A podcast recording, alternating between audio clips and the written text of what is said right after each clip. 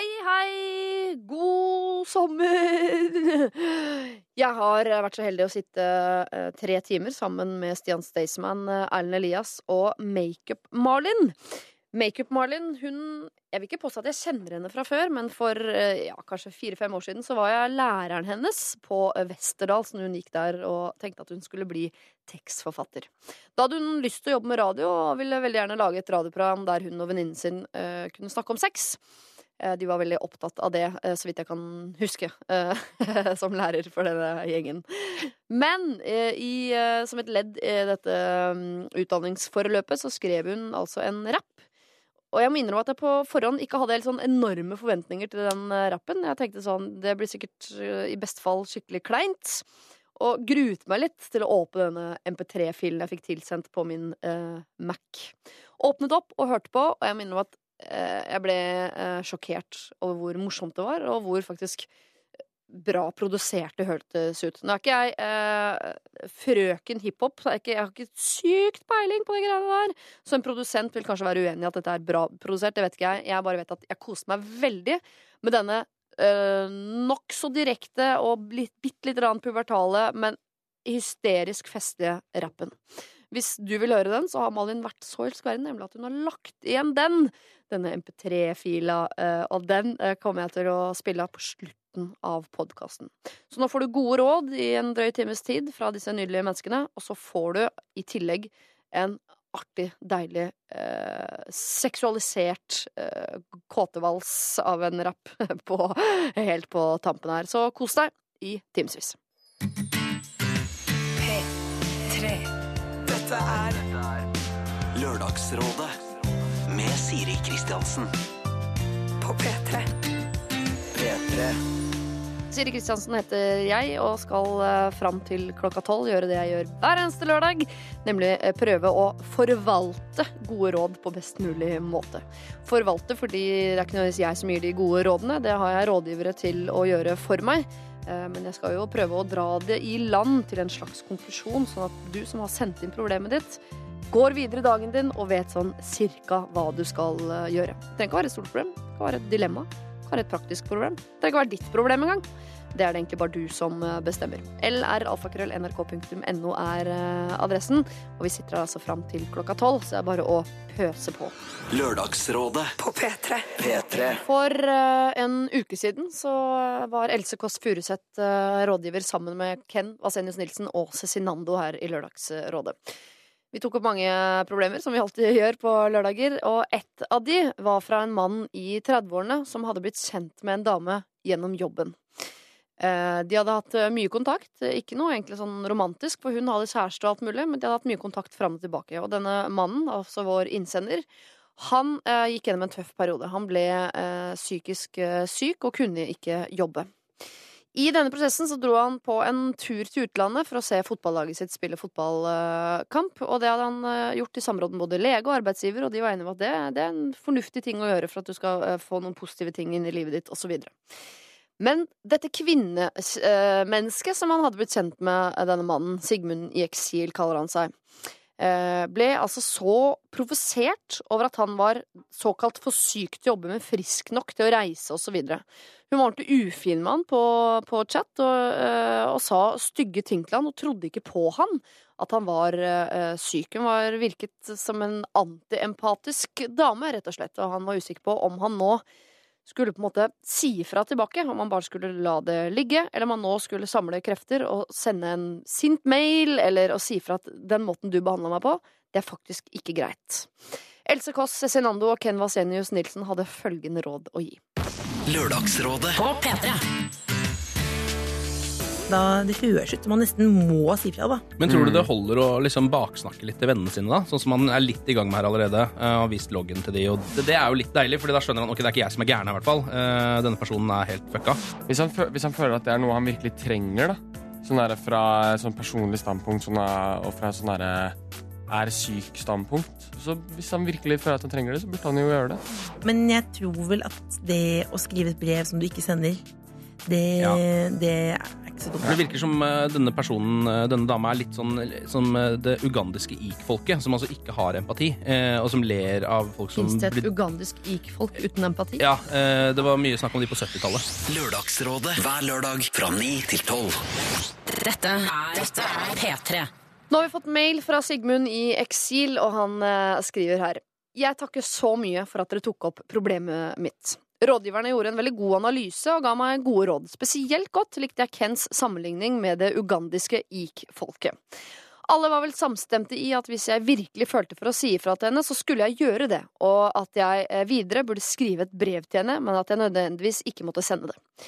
Samtidig advarte Else mot at min venninne trolig ville misbruke dette, og det er akkurat det jeg er redd for. Jeg har nemlig skrevet et sint brev, men er redd for at hun vil bruke det til sin fordel. Isolert sett er brevet nærmest et karakterdrap, og blir det ikke satt i sammenheng med våre samtaler på Messenger, kommer det veldig feil ut. Jeg har derfor bestemt meg for å ikke sende det. Å skrive det var terapi nok i seg selv, og nå føler jeg for å glemme henne og gå videre. Det var også godt for meg å få bekreftet enda en gang at det, hun, eh, at det er hun som har vært idioten her, og ikke jeg.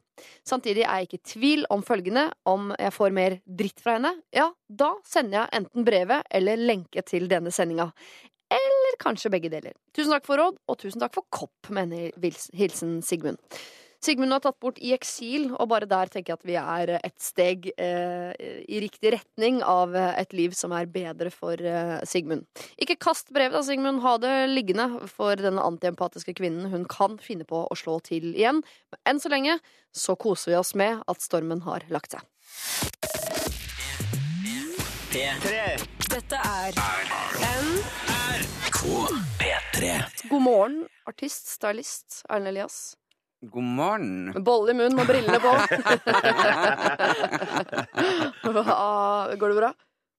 Rosinbollen var jo bare amazing. Ja. Mm, ellers så går det faktisk bra. Ja. Sommerkroppen 2017 er på vei. Ja, da har du jo gode tolv månedene på deg, sånn cirka. Ja da. Burde gå an, dem? Ja ja, så Ja. jeg er på god vei. Ja. Mm. Jeg ønsker deg alt hell og lykke. Det er ganske sunne, de bollene, faktisk. Ja, tenkte det. Havrebolle. Rosiner i det hele tatt. Artist Stian Staysman, god morgen. God morgen. Åssen ligger det an med sommerkroppen 2017 der borte? det, jeg, vet du, jeg har bestemt meg for å bare gi opp. Ja. jeg kan like godt gjøre det. Og så kan jeg være med i sånn reunion på Robinson, og skal vi danse om sånn ti år. Kanskje det stabiliserer seg ja, ti Ja. kilo ned. Nei, jeg vet ikke. Men jeg, jeg, vet du, jeg orka ikke. Jeg tenker på det mer her om dagen. Jeg prøvde å slanke meg litt, men så bare merka jeg helga kom, og så hadde jeg lyst på den med ølen, og så gikk, alt i helvete. Jeg syns du er ganske deilig type. Tusen takk skal du ha. selv. Tusen Mm. hjertelig. like måte. Eh, eh, jo, takk. da, da var vi der. Det er jo klokka er elleve, det er fredag kveld. Og velkommen og god morgen. eh, Skal vi bare si makeup, Malin? Ja, kan man si det? Eller skal vi si Malin herfra ut? Ja, nå kan du si Malin fra nå. Ja, fra nå. Mm. Eh, du skal være med på VG-lista som Som Staysman skal være med på, ja. Ja? Ja. Men du skal Jeg du skal, gjøre, jeg skal gjøre Snapchat sammen med Vegard Harm. Så jeg skal ut på turné i hele sommer. Meg. Ja, Det høres jo deilig ut, det. da Ja. Men du skal ikke være med hele veien rundt, eh, Stian? Nei, altså jeg er bare programleder på selve hovedsendinga på Rådhusplassen. Ja. Men så jeg prøver jo å selge inn eh, bandet mitt, da. Så Staysman og Lass kan være med på den hele Ja. turneen. Det får vi til. For det er en ganske gøy Ja. greie ikke sant? å være med rundt der. Ja, altså, det, er en, det er noe av det kuleste du kan gjøre. Jeg har Ja, hørt at festene skal være så rå. Ja, de er helt ville. Ja. Og et godt tips fra en eh, erfaren ringrev før nå, ja. Ja. men som har vært med på det før, Ja. er jo å eh, booke deg hotell. eh, sånn at du kan ikke dra hjem med resten klokka ni på den ni-bussen dagen etter. Oh. Ja, for det er sånn ordentlig erfaren ringrev, så var festene mye gøyere før når de var på smuget. Hvor gammel er du egentlig? Mutter'n pleide å snakke om slik, husker jeg. Kanskje du har truffet henne der? Fins det lenger i det hele tatt? Nei, det blir danseskole. Ja. Mm, Men VG-lista hadde bestandig etterfesten der. Og det var noen helt sinnssyke fester. ja. Mm. Ja, nå skulle jeg ønske jeg hadde en enda lenger eh, tilbake referanse. Sånn, eh, så, så jeg virker som jeg var enda eldre. Nå skal jeg uh, fortelle en litt morsom ting. Forrige gang jeg traff deg, uh, Malin, Ja. Så jeg er lærer og du elev ved eh, Westerdals eh, School of Communication. Stemmer. Mm, og da hadde du veldig lyst til å, å lage radio, Ja, ja. hvor du ja. kunne snakke om sex. ja. Mm. Nå lager du jo en podkast, men det går ikke så mye sex, gjør det det? Eh, nei, lite grann. Sofie Elise drev og snakka om at hun likte å bli tisa på. Men Ja. bortsett fra det, så er det ikke så mye. Nei. Nei. Men det handler om vennskap. Ja. Hvorfor har ikke det vært VG-overskrift? Eh, enda. Nei. At Sofie Elise liker å bli tissa Nei, på. Det er jeg- jeg jo det vet da eneste faen. som ikke kanskje har blitt skrevet. Men spar det vel til et blogginnlegg da, en dag det er litt tørt. Ikke har noe annet å skrive om, hvem vet. Men da sendte du meg blant annet en rapplåt du hadde skrevet. Hva het den? Eh, det var et eller annet med noe for liten munn, eller noe sånt. Det var noe sucking Nei, det var jeg, for liten munn. Jeg har for liten munn. Jeg har for liten munn. Ja. Men det har du vel ikke? Nei, nei det, var ikke, det var ikke om meg. Det var om ei bekjent. Oh, ja. Og hun har veldig liten munn. ja. Veldig liten munn. Så liten at det blei problematisk når hun skulle suge noen, rett og slett. Ja, Ja. skjønner. Mm. Ja. Jeg har alltid, den eh, låta har jeg liggende på, eh, på PC-en min her på jobben. Har du den, det? den er veldig morsom. Jeg anbefaler deg å gi den ut. Timingen er så riktig nå, rett før VG-lista osv. Å, fader, kanskje Oi, jeg bare skal kjøre Kjør på. på. Kjør på. Dere, Vi trenger å ta en runde på sivil sivil status, uh, ferieplaner uh, og eventuelt hobby, hvis det føler at det er eh, relevant. Erlend Elias, hvordan er din sivile status nå? Eh, ja, hva man skal si? Jeg har jo barn. Mm. India, ett og et halvt. I India? Nei, Så hun, klønete. hun heter India. Jeg skjønte det. Det var jo meg vanskelig. ja. Mm, hun må til tannlegen, så det er litt sånn stress akkurat med det. da. Hun er ett og et halvt. Ja. Og dobbelt sett med tenner. What? Mm, Som akkurat Ja. som en hai, på en måte? ja. Ja. Små hunder får som regel det. Ja. Ja. Så det er ganske mye jobb med den ungen der. Ja, Ja. jeg skjønner. Så jeg har ikke tid til kjæreste akkurat nå. Nei. Nei. Så du er alenefar, da? Jeg er alenefar, det, så det er egentlig veldig slitsomt. Vi snakker vi om en hund nå? Jeg skjønner ingenting. Er det et barn, eller er det en hund? Ja, det er mitt barn, men det er en hund. OK, ja. Ja. Spørre. sett, ja, med tenner. Jeg skjønner ingenting. Jeg Hareskår. Hva er det vi snakker om her nå? Nei, nei. Så for er tidenes styggeste lille unge nå. Ja, få den ungen til tannlegen, og det trenger litt. Har du noen hobbyer? Uh, jeg har akkurat begynt å samle på kunst. Ja. Ja. Billedkunst eller skulptur? Eller? Eh, billedkunst. Ja. Jeg har akkurat uh, kjøpt mitt første maleri fra Elisabeth Werp. Ja. Så det er jeg veldig veldig stolt av. Så jeg begynte å samle på det. Ja. Så går det vel kanskje 30 år til neste gang jeg får råd til å kjøpe bilde. Jeg må spare, da. Må slutte å gå til tannlegen. Nei da, ellers så er det rett og slett bare jeg skal nyte Norge i år.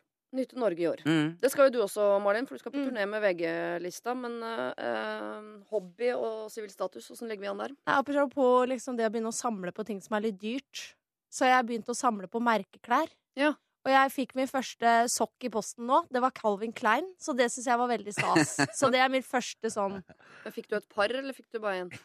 Jeg fikk to. Du fikk to, To svarte. ja, det er kjempebra. Ja, Ja. Så, så der er jeg, på en Ja. måte. Eh, ja, og så har jeg egentlig akkurat vært på ferie. Jeg har vært i Filippinene. Ja. Mm. ja. Aleine? Nei, med en homofil venn. Med en homofil Ja.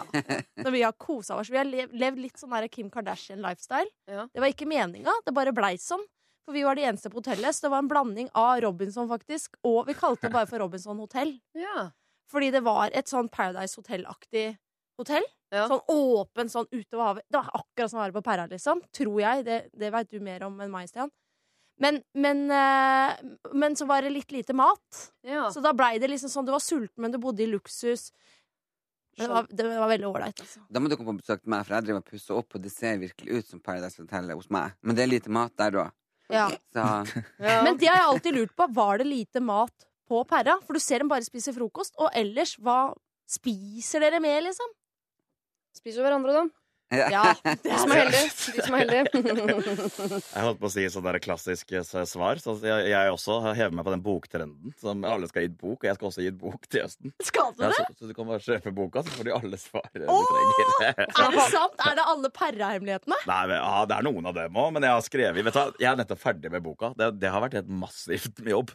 Men seriøst, er det en biografi, eller handler det om eh, ernæring og Paradise Hotel, eller hva? Nei, Det er en slags biografi. Gøy. Ja. Det er så gøy å gjøre det liksom, før man har bikka 40. Ja, jeg tenker litt sånn. Altså, det er litt, jeg føler det- at det er litt narsissistisk å skrive en sånn selvbiografi, liksom. Men eh, Kjør på. Kjør på. Ja, det jeg tror jeg blir bra. Din sivile status er vel eh, uendret? Kjæreste To barn. Gift. Gift er det, altså. Ja. Du giftet deg jo på Senkveld, stemmer det? Ja, du, du lov deg Gratulerer. på Komiprisen. Eh, ja, ja, ja. Jeg fridde jo. Nei, på Kjendisgallaen. Kjendisgallaen, ja. Men nå har jeg ikke giftering, for den gifteringen ligger i Skjuttavika. Ja. Så jeg føler meg litt singel. Sabeltann har stjålet den. Ja, Sabeltann tok den. Mm. Kasta den til sjøs.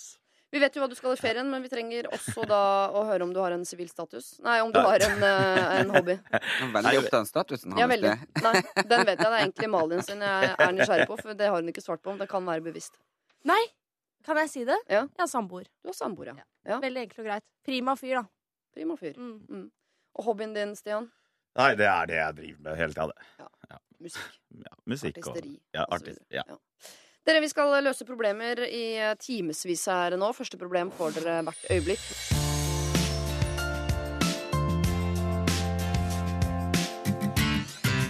Hei! I midten av juni flytter jeg til USA, hvor jeg skal bli ut året. Kjæresten min, som er på jakt etter et sted å bo denne perioden, fikk tilbud om å bo i leiligheten til en felles venninne av oss, som er en av mine bedre venninner, men hun skulle jobbe på andre siden av landet. Dette ble imidlertid ikke noe av, og nå skal hun bo i leiligheten sin likevel. På grunn av litt tilfeldige omstendigheter skal altså kjæresten min bo alene sammen med min venninne. Jeg klarer ikke å legge fra meg min primitive sjalusi, og syns det er ganske ubehagelig og kjipt at de skal bo sammen mens jeg er på den andre siden av kloden. Jeg stoler på han og vet at ingenting kommer til å skje, men det skurrer i magen uansett, fordi det er noe intimt med å bo sammen. Vi snakker åpent om alt, og jeg har delt mine bekymringer, og han sier at han forstår det, men at han vil bo der allikevel, siden han er ufattelig lei av å bo i guttekollektiv, noe jeg også forstår. Det er en fin og sentral leilighet, hun er veldig ryddig organisert, som han er opptatt av, og sist, men ikke minst, så er de jo gode venner, så de kommer mest sannsynligvis til å ha det gøy sammen. Han understreker også denne situasjonen at den oppsto litt tilfeldig, og at han aldri ville ha planlagt å bo med henne i utgangspunktet. Venninnen min har ikke snakket med meg om dette, og eller ikke nevnt det for meg i det hele tatt, noe jeg syns er litt rart. Jeg vet at han er veldig motivert til å bo der, siden det er praktisk og det er en god løsning, og at uh, han hadde syntes det var kjipt hvis jeg hadde bedt han om å finne et annet sted å bo. Jeg kan definitivt leve med det, men jeg kommer til å gå rundt på andre siden av kloden med en liten ubehagelig klump i magen hele tiden. Hilsen Tuva midt i 20-åra, som vil ha armkroken til typen for seg selv. Altså, eh, skal vi si eh, Skal Tuva nekte kjæresten sin å bo med venninna si? Ja. Syns du det, Erlend? Hvorfor det? Det er jo klart at når, han er veldig opptatt av at det skal være organisert, og hun der venninna er veldig organisert og veldig ryddig og bla, bla, bla Ehm, Noe som tydeligvis hun her Tuva ikke. Siden hun reiser midt i 20-årene for å studere og burde vært ferdig. Um, så jeg tror at de burde dra på byen, ha det gøy, komme hjem, lage pizza, passe på at benken ryddig og vaska og sånn, og så blir det å sette seg ned i sofaen og så hurre meg rundt. Og du tror han kommer til å falle for henne fordi hun er en sånn organisert og ryddig person som Ja. han liker? Mm. Så de kommer til å falle for hverandre og ligge sammen på den nyvaska benken. Ja, og bli kjærester. Og bli kjærester. Ja. Noe skurrer jo når ikke venninna på en måte har snakka noe om det, tenker jeg. Mhm. Det er Ja. det som jeg syns er litt rart. Jeg kjente at jeg fikk vondt i magen med en gang du leste det. Jeg, jeg kjente på den der følelsen som hun kommer til å ha hele året når hun er bortreist. ja. Jeg tenker jo at eh, den venninna som bor der, da, er jo en, eh, fun funker jo som en slags eh, snitch. En slags tyster på han. Det kan jo tenkes sånn òg. At eh, hvis han hadde Mm. bodd alene midt i Oslo og vært ute med gutta sine det, jeg tror, altså, Sjansen er jo også høy for at han kunne dratt med seg en dame hjem Ja. når han vet at dama er på andre sida av jordkloden. Mm. Men hvis han bor sammen med en av venninnene hennes Ja, men han, hun var jo venninna til han òg. ja, Ja, men mest hennes. Ja, ja ikke sant? Mm. Og, og da tenker jeg sånn at da er det jo kanskje ikke en så smart eh, move da, å dra med seg noen andre damer hjem, for da vil jo hun sladre. For hun nevner ingenting om hvordan venninna er. Hun kjenner jo tydeligvis venninna, om venninna er en liten røver, på en måte. Ja, eh, hun er singel i hvert fall, og glad i gutter. Eh, men ikke noe sånn ekstremt. Men jeg tenker at hun, hun sier jo det.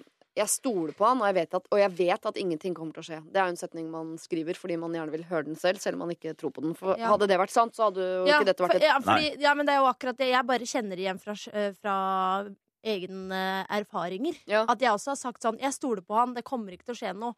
Det skjedde nå. Det skal jeg si deg. Det hjelper ikke å stole på folk. Folk Nei. kan drive med tull allikevel. Ja, ja, ja.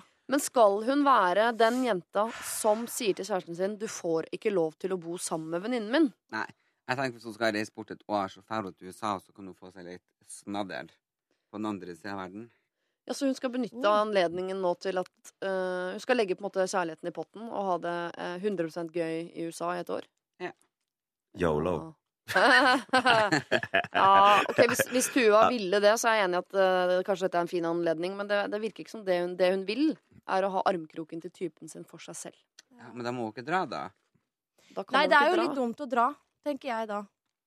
Nei, Nei, altså, ikke faktisk- Stakkar, Og så skal hun bli jeg- hjemme for å passe på han, da? Men det er, det er også en ting som jeg har lagt merke til opp gjennom livet. At jenter er Det er sikkert derfor hun også er litt bekymra for å dra. For at det, I hvert fall min erfaring med jenter er at jenter er mye mer illojale overfor hverandre enn det gutter er. Ja. At jeg har sett så mange tilfeller at det er en, en, eh, et par, og så går de fra hverandre. Så går venninna til eh, hun dama på han typen Ja, ja, ja. med en gang. Ja. Altså, det er et eller annet med det. Altså, det gjør det spennende. homoer. Nei, er men jeg mener ikke at hun ikke skal dra. Nei. Jeg tenker bare at uh, hun skal dra, men når hun på en måte har tatt det valget allerede, da, må, da kommer det med liksom noen uh, laster. Da har hun valgt det, på en måte. All forandring innebærer risiko. Ja. Eh, sånn er det bare. Så hvis du eh, flytter et annet sted, så er det en forandring i livet ditt. Det medfører en viss risiko. Sånn Ja. er det bare. Så Tuva skal dra til USA, det, er, det må vi bare være enige om at Ja. hun skal. Eh, Vi er ikke helt enige om hun skal la typen bo i leilighet med denne venninnen eller ikke. Eh, vi skal ta en runde på om hvorvidt det er noe hun kan gjøre for å forsikre seg om at det eventuelt går bra. Eh, hvis det nå blir sånn at eh, hun selv drar til USA mens typen blir boende hjemme med eh, venninna. Er det derfor den klumpen er der, kanskje? Hva tenker du, Stian? Ja, det tror jeg. Men altså, det er igjen det jeg sa i stad. At jeg tror jenter er vanskeligere med å stole på hverandre. For det er jenter er lettere for å gå i kakebokser og bryte sånn, sånn kodeks som gutta er litt bedre på. Ja. Altså, Jeg hadde også en dame som bodde veldig mye alene sammen når jeg bodde sammen med en kompis. Og jeg kunne komme hjem der, og hun satt full naken foran dataskjermen. Og kompisen min var jo mer oppgitt enn at han benytta seg av den muligheten. For at, ja. mens jeg tror, i, i motsatte tilfeller, så tror jeg det uoppnåelige blir så spennende for eh, jenter at eh, det er lettere å gå i kakeboksen. Det er mulig at jeg er helt på jordet her nå, men eh, Du er ikke på jordet, men du er fra Fredrikstad. ja, det er faktisk Det ja, men jeg- men i, i alt, da, når alt kommer til alt, så tenker jeg at det, hvis ikke det går Hvis det går til helvete på grunn av det her, så er det jo ikke noe håp uansett, da. Jeg syns bare han høres ut som en innmari ryddig type som Ja. er lei Ja. av guttekollektiv. Er så rote sånn. Høres jo ikke ut som en kåte-Frans som bare uh, subber rundt i møkteklær og er på jakt etter noen å ligge med. Da hadde jeg vært mer nervøs. Han er jo uh, han er lei av guttekollektiv. Det virker som han begynner å bli liksom vokse fra det guttegreiene og det kjøret. Mm. Og vil bare ha det litt rolig. Hadde uh, vår venn her Tua vært hjemme, så hadde jo de flyttet sammen og starta på den delen av livet. Føler Ja. jeg meg helt trygg på. Mm. Eh, men hvordan skal hun bli kvitt den klumpen i magen? Hun har tydeligvis snakket masse med kjæresten sin. Skal hun snakke litt med den venninna, eller? Men er det to soverom? Ja, Oh, Det det skulle jeg ønske jeg visste, Marke. Fordi at Ja, de kan ikke dele seng. Det er det. Nei, men det var jo liksom at han skulle overta leiligheten for at hun skulle reise bort. ja. Men nå skulle hun liksom ikke reise bort, og han kan få bo der likevel. Jeg bare tenker, Skulle han ha bodd der alene da, med to soverom i stor leilighet? Eller ja. Jeg, jeg tror vi bare skal gå ut fra at det er to soverom der. Mm. Rett og slett. Så de får hvert sitt rom. Hvis ikke eh, Ja, nei, sånn er det bare. Det Snakk vi bare med si. venninna. Ja, Ta snakk den praten. med venninna. Du må jo bare gjøre det. Men hva skal de snakke om, da? Kan man si sånn Ja, nå skal dere bo sammen. Jeg håper jo du ikke ligger med kjæresten min, selvfølgelig. Ja, Det som er problemet med det òg, da, er jo det at hvis de snakker med venninna, da, og hun snakker med typen eh, Jeg tror nok hun tenker når hun er i USA, at hvis det skjer noe mellom dem to da, så vil hun aldri noen gang i livet sitt få greie på det. Nei. For det at det er så mye å tape for begge to å si det. Ja. Mister venninna si, han mister dama si. Og det er jo sikkert en vond tanke da når du ligger borti Mm. LA der og vet at det, hvis det faktisk skjer noe mellom dem, Mm. så vil jeg aldri noensinne få greie på det. Og der har man kanskje et argument som veier for at uh, det her er et, kanskje et litt dødfødt prosjekt. da. Hvis hun uansett skal ligge borte i USA og gnage huet sitt på akkurat den tanken her, så vil hun ikke få slappe av, da. Nei. Nei. Nei, jeg, jeg tenker at den klumpen er litt vanskelig å bli kvitt. Men jeg tenker at noen sånne klumper i magen må vi liksom eh, Må vi legge i pott noen ganger. Vi, kan, vi klarer ikke å rydde eh, livets vei sånn helt sånn klumpfri, liksom. Man, må, man skal gå rundt og være litt nervøs. Det kan jo skje eh, når som helst, hvor som helst. Hun klarer ikke å liksom lage seg en tilværelse her hjemme mens hun er borte, som er helt risikofri. Hun må jo ta et valg. Nei da, det er jo sant. Hun må ta et valg. Hei, jeg reiser, og jeg stoler på kjæresten min og stoler på venninna mi. Ferdig. Og så må hun bare liksom Ja. Det du ikke. Sånn vi tenkte når vi var i Forsvaret om damene våre hjemme. Vi hadde en sånn sinnssyk rate, da, for nesten alle opplevde jo at dama var utro. Eh, eh, og da tenkte vi sånn Det vi ikke vet, har vi ikke vondt av. Etter, hvert så Vi ble jo helt kyniske på det. At, ja, ja. Dama hjemme ligger med andre, men det får hun bare høre. Og vi ble jo Jeg lå ikke med andre da eksen min var i eh, Forsvaret, eller hva det heter. Militæret. Det er bra. Han er fortsatt men, en eks. Men, ja, men det, det var akkurat det som skjedde. Det blei en eks. Ja. Ja, for jeg skjønte jo da raskt at herregud, ålreit det var å være aleine. Ja. Også en risiko. Mm, Mm. risiko. Ja. Eh, jeg tenker at du kan se på dette som en gyllen anledning til at kjæresten din går et år i eh, skole eller i lære på hvordan det er å bo sammen med en eh, dame som er ryddig. Så kommer du hjem, så har du fått en pottetrent mann du kan bo med når du kommer hjem fra USA. Men så slipper du på å ta det der første året med bikkje aleine, som er innmari vanskelig, og fått en som noen andre har trent, hatt på dressurkurs osv., og, så og forhåpentligvis da ikke ligge med. Og da tenker jeg at det er en vinn-vinn-situasjon. Da er det vinn-vinn. Ja. Tuva, ta en prat med venninnen din, eh, og så snakker du enda litt mer med kjæresten din. Virker som dere har god dialog eh, allerede. Og så må du bare være klar over at det er en viss risiko når man reiser bort, men det er det uansett hvor han hadde bodd, så det må du bare leve med. Og så får dere bare fortsette den tette dialogen selv om dere bor i hvert deres land.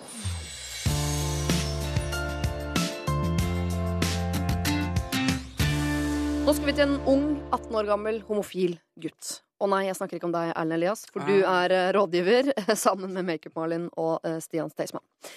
Foreldrene mine, og i større grad den utvidede familien min, er konservativt kristne.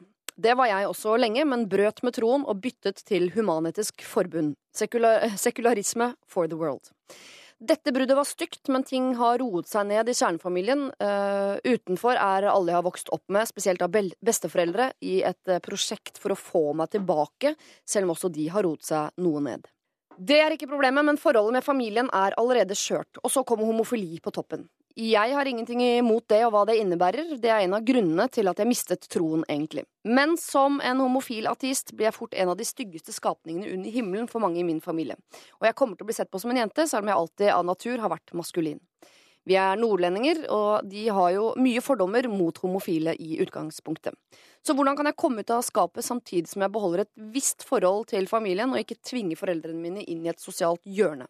Og hvordan kan jeg samtidig beholde min identitet? Takk for råd. Med vennlig hilsen Bård. Forstår dere? Altså, han, eh, han er homofil, må si fra til familien sin, som allerede syns at han er en litt vanskelig type, fordi han har forlatt kristendommen og blitt eh, ateist, og på toppen av det hele er han nordlending. Mm. Kan du relatere, Erlend Elias? Uh, ja, det her er jo det som jeg jobber veldig mye med, Uh, og opp mot samiske homofile sine rettigheter. Men uh, vi har jo lesatinisme, som er oppe i Nord-Norge, som er en sånn veldig sterk uh, Kan minnes litt om Smiths venner eller sånne ting. Uh, så det er jo Så jeg, jeg går ut ifra at kanskje det er det han er. For nordlendinger generelt kan man vel ikke si har noe større grunnlag for å være imot homofile enn andre. Men, ehm, men det er jo klart, uh, der han kommer fra, eller den sekta, eller den Ja. Ja. Så er det vanskeligere, og nå akkurat så fikk vi jo beskjed fra Kautokeino menighet og, og presten at homofile kommer til helvete, men vi kunne gjerne komme dit for å bli helbreda. Så de har jo et annet syn Altså du kan komme til denne presten for å bli helbreda? Er det Ja. det han sier? Ja. Så de har jo et annet syn på homofile der oppe enn um, enn en- Ja. Men hva gjør han da? Han er 18 år, han er homofil. ja. Han må, han må stå fram med det. Han må absolutt det, og da tenker jeg at da må han eh, eh, ta kontakt med helsesøstre på videregående Han må ha noen å snakke med og lene seg på, for jeg tror det kommer til å bli ganske hardt Ja. og, og vanskelig. Og han må nok forvente at familien kanskje vender han ryggen eh, ei stund til de får kanskje svelget det her, fordi det går veldig mye på ære og stolthet og sånne ting. Ja. Um, Så han må takle litt hat en periode, og så tror du det vil snu på et eller annet tidspunkt. Det vil nok snu, og uh, vi har jo holdt på med samme ting og laga støtteorganisasjoner og sånne ting uh, for uh, unge homofile der oppe. Så jeg, han burde jo kanskje uh, lene seg på noen andre i, i samme situasjon og ha noen rundt seg. Det er Ja, litt det var det jeg kjipt å gå og være alene. Ja. Ja. Bare sikre seg liksom nå med venner og sånn, kanskje først. Mm. Og snakke med de at bare nå skal det skje, og mest sannsynlig så er det dette som kommer til å skje med familien min. Mm. Kan du please være der for meg en liten stund? Mm. Tenker jeg. Ja. Jeg synes jo, eh, jeg skjønner at det er vanskelig, men jeg, eh, jeg tenker at eh, når det er en så stor del av livet ditt, så tenker jeg at den, man må, er nødt til å ta den risikoen. Ja, kanskje deler av familien din hater deg, men da Ja, men får de på en måte gjøre Da får de heller gjøre det.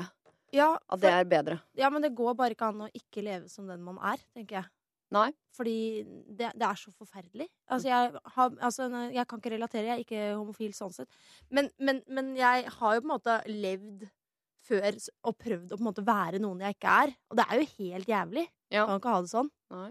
Så, så jeg tenker at dette må han bare gjøre. Jeg tror både Bård, eh, jeg tror Bård er enig med oss i det, også, at han, Ja. han vet at han skal stå fram. Han virker som en uh, ganske grepa fyr. Han har Ja, allerede brutt ja, ja. med religionen. Han virker som en ganske Ja, selvstendig og sterk type. Så jeg tror uh, han har bestemt seg. Dette er noe Ja. han skal gjøre. Og jeg tipper han er nok ikke i skapet som noen for venner og sånn. Han er nok sikkert åpent topofil noen Ikke steder, sant? men nå er det familien som står for tur. Skriv et brev og lirk det inn i Bibelen. Legg et brev i Ja, Bibelen. men jeg tenker, kan, Ja. kan du ikke bare si det? Altså Bare ta det hardt og brutalt. Altså Jeg tror ikke uansett, hvis man prøver liksom å pønte på det på et vis Altså Hvordan skal du pønte på at du er Jeg er litt homofil, kanskje? Men, Nei, nei. Det prøvde jeg. Og liksom Ja. bare, Å, jeg blir feil. Uh, nei, det går ikke. Men um, jeg tenker at du må finne deg en alliert. Mm. Kanskje du har ei tante som godtar deg for den du er, eller mor til venninna di, eller du har en venn. En voksen person, i hvert fall. Som kan være med deg, og så kan du samle familien, og, og uten å bli liksom helt Men bare sitte rolig og ned, og vet du hva, jeg er det og det og det, og jeg elsker dere og vil gjerne ha respekt for den jeg er. Og hvis de velger å ikke ha det, så, så er det dessverre deres tap. Men skal du ta det i en gruppesetting, liksom? At du samler hele familien rundt litt kaffe og kake, og så skal du si det? Blir ikke det litt voldsomt? Nei. Jeg, Var det det du gjorde? Kan jeg spørre? Uh, nei. Jeg kom ut først til søstera mi, så til mamma, og så sladra mamma til pappa. Så Ja. Mm. Men hvis du ser på det i ettertid, hva, hvis du skulle gjort det på nytt, Ja. hva hadde du gjort da? Nei, det hadde jeg nok samlet. Jeg, jeg skulle ønske jeg kom ut før. Uh, men som bestefar eh, og de ennå levde, så jeg fikk liksom vært åpen for de. Uh, og så skulle jeg gjerne ha tatt det sånn som jeg sa. Eh, Men man forbinder jo det med noe negativt, at det ryktet sprer seg. Men kan ikke det egentlig være en litt sånn eh, deilig bieffekt her? At han kan si det til foreldrene sine, som tydeligvis er litt mer liberale enn resten av familien. Som allerede på en måte er godt på vei eh, til å tilgi det at han har forlatt religionen.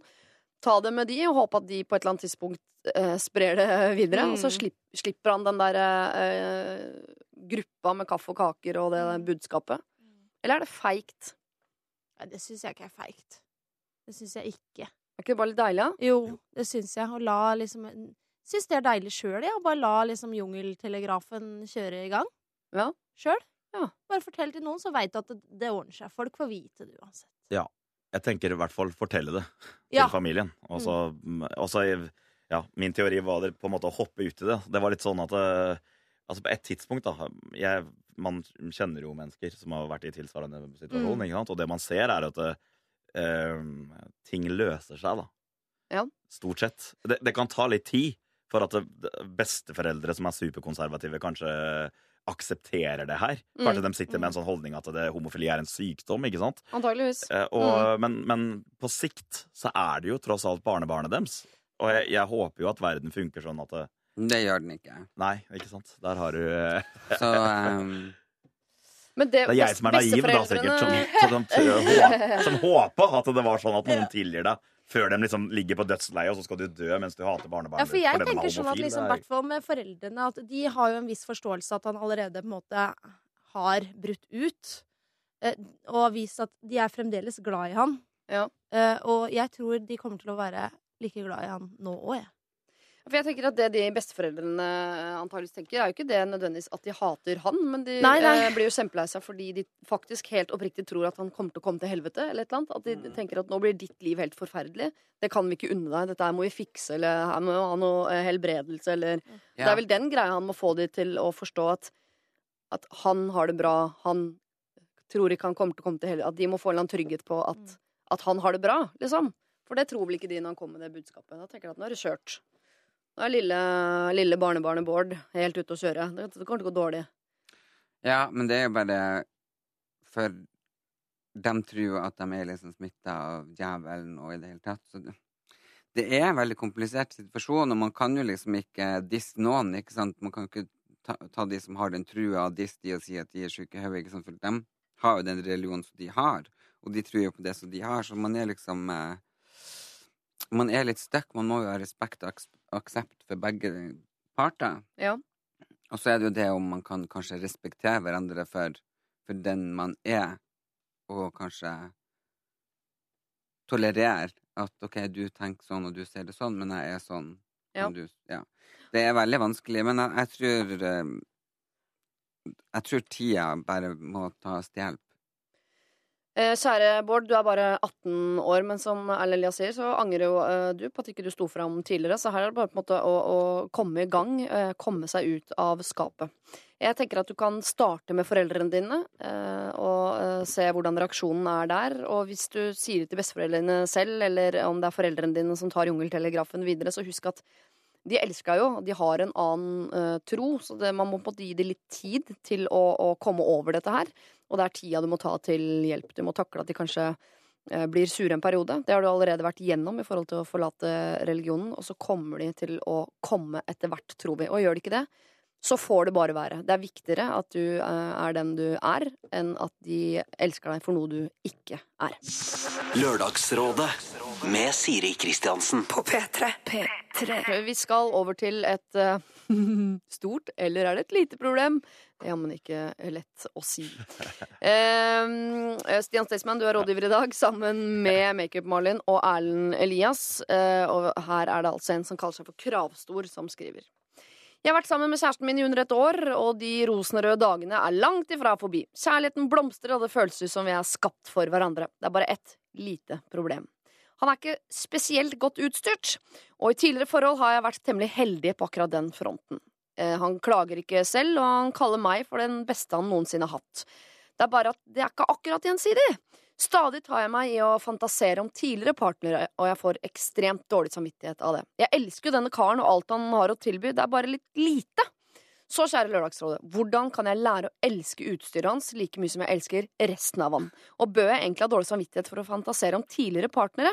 Jeg ville jo aldri vært utro. Håper dere kan hjelpe meg. Hilsen Kravstor. Jeg trodde størrelse Dette er bare sånn jeg har hørt på sånne sexopplysningsprogrammer. Ja. Men at størrelse ikke betyr noe.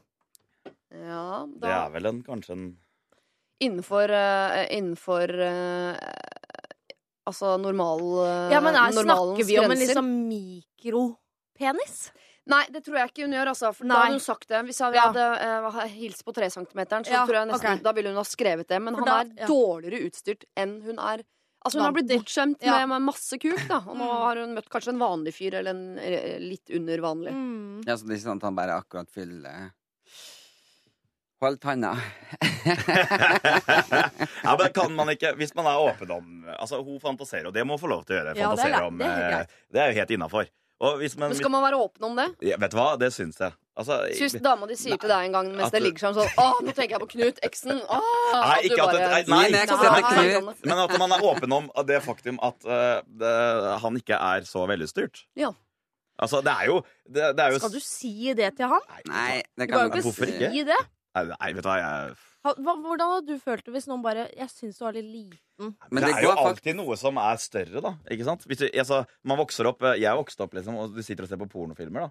Og du ser jo at eh, alle 90% av den boysa der har større penis enn da. Nei. Så, og, Ikke meg. nei, nei, kanskje ikke. Men meg, da, i hvert fall. Men altså, Og man føler seg liksom at ja, det her det funker jo greit, liksom. Men så sitter man og ser på det, og så og så, når jeg var tolv år gammel, så overhørte jeg tanta mi og noen venninner satt og snakka. Og, og da skjønte man jo at den illusjonen om at størrelsen ikke betydde noe, for dem satt jo og var ganske høylytte seg imellom. ikke sant? Og det, Ja. noe betyr det jo. Det skjønte ja. man jo, jo det gjør det. tidlig, Jeg, tidlig ungdom. Jeg f- liksom kan, liksom, kan, Ja. Eh, jeg Si hva du tenker. Ja, nå, nå var jeg veldig spent på hva det her var. Uh, nei, vet du hva. Ja. Jeg vil bare si at hvis hun allerede liksom begynt å jeg, Smaken på stor kuk. så, Er det det du prøver å si? så går jeg videre. Jeg brukte mange år på å prøve å venne meg til noe som var ikke så godt. Og stort. Nei, du liksom Er, er det jo godt å Du tror ikke at frøken Kravstor her kan bli like glad i penisen hans som hun er i resten av gutten, fordi hun allerede du, har vært på den andre siden? Nei, Er du vant til å ligge på femstjerners hotell, så Ja. blir du aldri å kose deg på tostjerners, for å si det sånn. Ja, men herregud, det finnes jo hjelpemidler. Akkurat. Det var det jeg prøvde å skulle fram Herregud, til det i går an å stad. kjøpe. Har du vært Skulle med ha på med de egen minibar og sengetøy inn på tostjernershotellet? Er det det du sier? Ja! ja. Altså, har du spa. vært nedpå de der eh, mørkeste sjappene nede i byen her? Fins jo faen meg dildoer som er så svære. Nå, hvor svært er det her? Det På størrelse med en uh, Ja, svær kaffekanne. Jo, men hallo, hvis de skal ligge og elske, og så er det bare sånn Vent, vent, vent! vent, vent Man bare henter den svarte dildoen i skapet. Ikke sant? Du kan jo ikke det.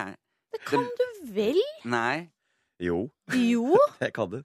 Altså, Se på eh, lesbiske par. da Jeg vet jo at man kan ha sex uten å ha dildo, men jeg vil jo tro at de også bruker det. Og da er det vel litt sånn Hei, vent, jeg skal bare hente den. Og så er det bare å Åpne kofferten, rett og slett. ja, åpne kofferten. Bare ha den veldig koffert go- er- lett men det er- Men det spørs jo om, litt på fyren her òg, da. Hvis han Ja. har confidence nok til det. Eh, Så, Mm. så er det jo liksom en uh, dialogting. Jeg vet jo det at man skal Ja. skal kanskje ikke si til en fyr at å, du har for liten penis til å stimulere meg.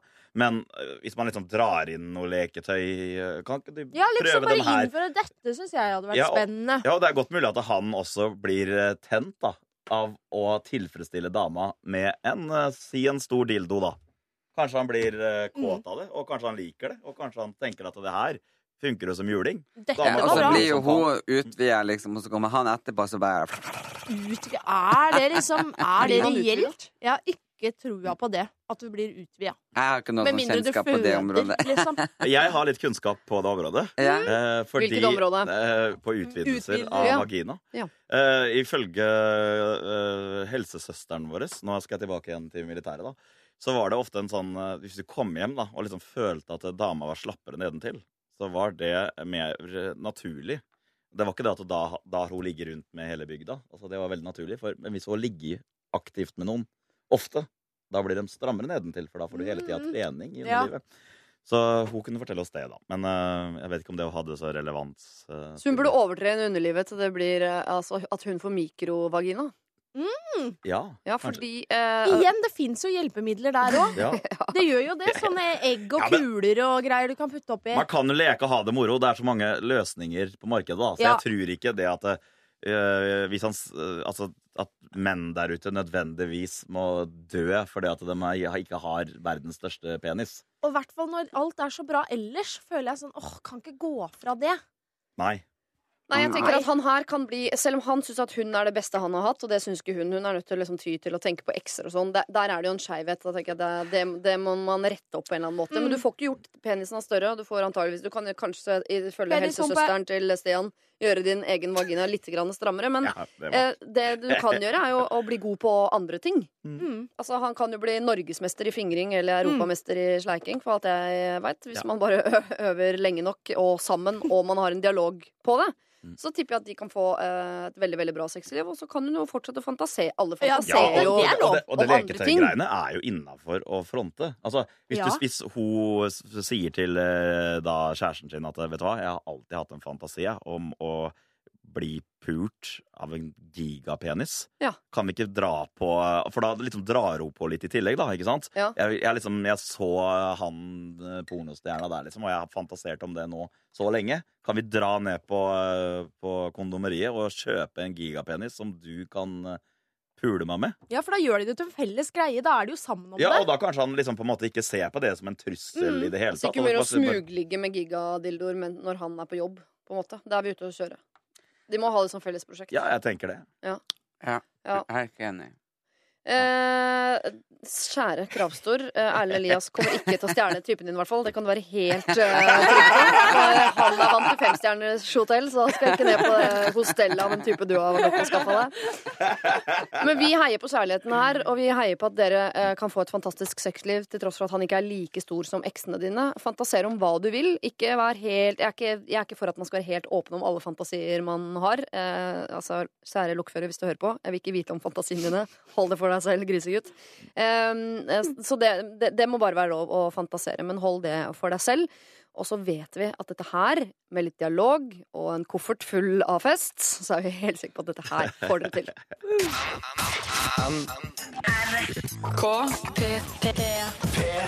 Dere, vi skal eh, bli kjent med en som heter Sara, som er 19 år gammel. Jeg har glemt å spørre dere om alder i dag, egentlig. Makeup-Marlin, hvor gammel er du? Øh, 26. 26. Stian Staysman? 34. 34. Erlend Elias? 71. Siden du har sagt om smuget tidligere i dag. Jeg har vært medlem av Pensjonistforeninga i Kjellbotn mange år. Men uh, jeg er 29 for, for Ja, jeg er bestandig 29. 29. Ja, evig 29. Evig Erlend Elias. Ja. Sara er 19. Litt før jul gikk, det, uh, gikk jeg gjennom et tøft brudd med min tidligere kjæreste. Jeg var veldig glad i han, men han gjorde det slutt. I januar begynte jeg på en folkehøyskole i Danmark, og han gjorde det tydelig at han ikke ville ha noe form for kontakt.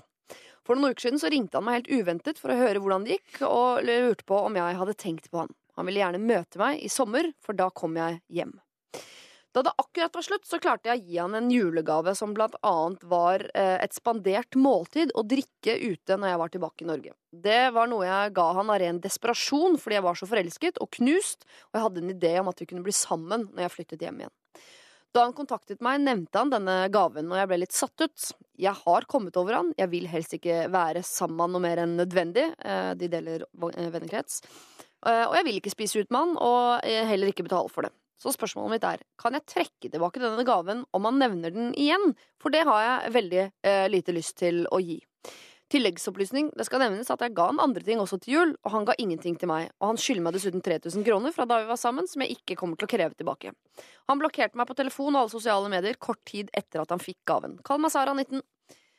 Altså, eh, dette, jeg, jeg syns det er rart, men Sara føler at hun skylder en gave til en fyr som hun egentlig ikke skylder noen ting. Det er vel mer han som skylder henne noe. Men han driver og snakker om den gaven og vil at de skal møtes, og forventer vel å bli spandert på når hun kommer nå hjem til Det Norge. så- Man kunne egentlig undertegne det med Ellen Elias 29.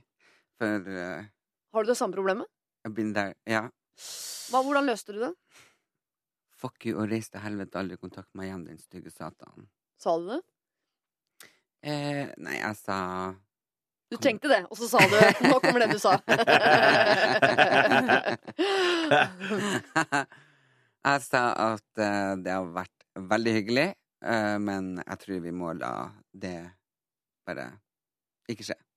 og så øh, var du kvitt problemet? Så enkelt? Eller fortsatt noe mase? Nei, da blokkerte jeg han. Og så blokkerte du han. Ja. Hva, øh, hva tenker du, øh, Malin? Skal jeg, Sara jeg forstår ikke Du forstår ikke. Nei. Det virker jo som han fyren er kanskje keen på ho. Eller et gratis måltid. Ja, eller, Ja, er det- eller at, at han er sånn keen på å ha ho litt sånn på glid. Jeg tror han, selv om på tvers av landegrenser, så har han skjønt at oi, nå er hun over meg. Det er ikke greit. Mm. Det var jeg som skulle over henne, og nå er hun over meg. Vent, da. Nå skal jeg få henne på glid igjen, for det skal ikke ha noe av at hun er over meg. Jeg tror han prøver å få henne inn i nettet sitt. Det er noe Ja. maktgreier, dette Mm. her. Og hva, øh, øh, da, hva skal Sara gjøre med det? Nei, hun, hvis hun er kommet over han, Ja. lucky her. Ikke sant? For det er vanskelig å komme over noen når man blir dumpa og vært forelska. Det sitter jo lenge i. Så hvis hun allerede har klart det, så må hun bare holde på den følelsen og absolutt ikke gå tilbake. Møte han minst mulig hvis hun ikke må på en fest der han er. Eh, blokkere han på alle sosiale medier. Unngå han. Ferdig. Han er, han er liksom sånn no name. Så Men da gjør jo Sara det han gjorde. Jeg tenker at Det må være litt deilig å, å heve seg litt over den derre ah, da blokkerer jeg deg, vi vil ikke ha noe med deg å gjøre. At hun kan, Men det er hvis hun er over han, så kan hun jo bare være litt mer Men det jo Nei, litt, for man er jo aldri over noen i den forstand at man har vært forelska og blir dumpa. For da sitter man igjen litt med den følelsen av at shit, han dumper meg. Da skulle i hvert fall jeg ta tilbake kanskje og ligge med han et par ganger, og så få en følelse for meg igjen, og så skal jeg dumpe han. liksom. Hvis hun er over han. Men så plutselig så gjør hun det, og så blir hun forelska i han igjen. Men han vil ikke ha henne, så blir hun dumpa på nytt. Ja, det må vi ikke. Vi må ikke ha en ny runde med Sara eh, som blir dumpet av denne mannen. Men Nei. eh, det er jo et eller annet For, for, for det jeg kan på en måte litt relatere til, til meg sjøl, er jo at eh, jeg var sammen med en jente eh, som var en veldig god samtaler, samtalepartner i en periode av livet hvor det var veldig ålreit å ha en samtalepartner, for jeg opplevde mye rart.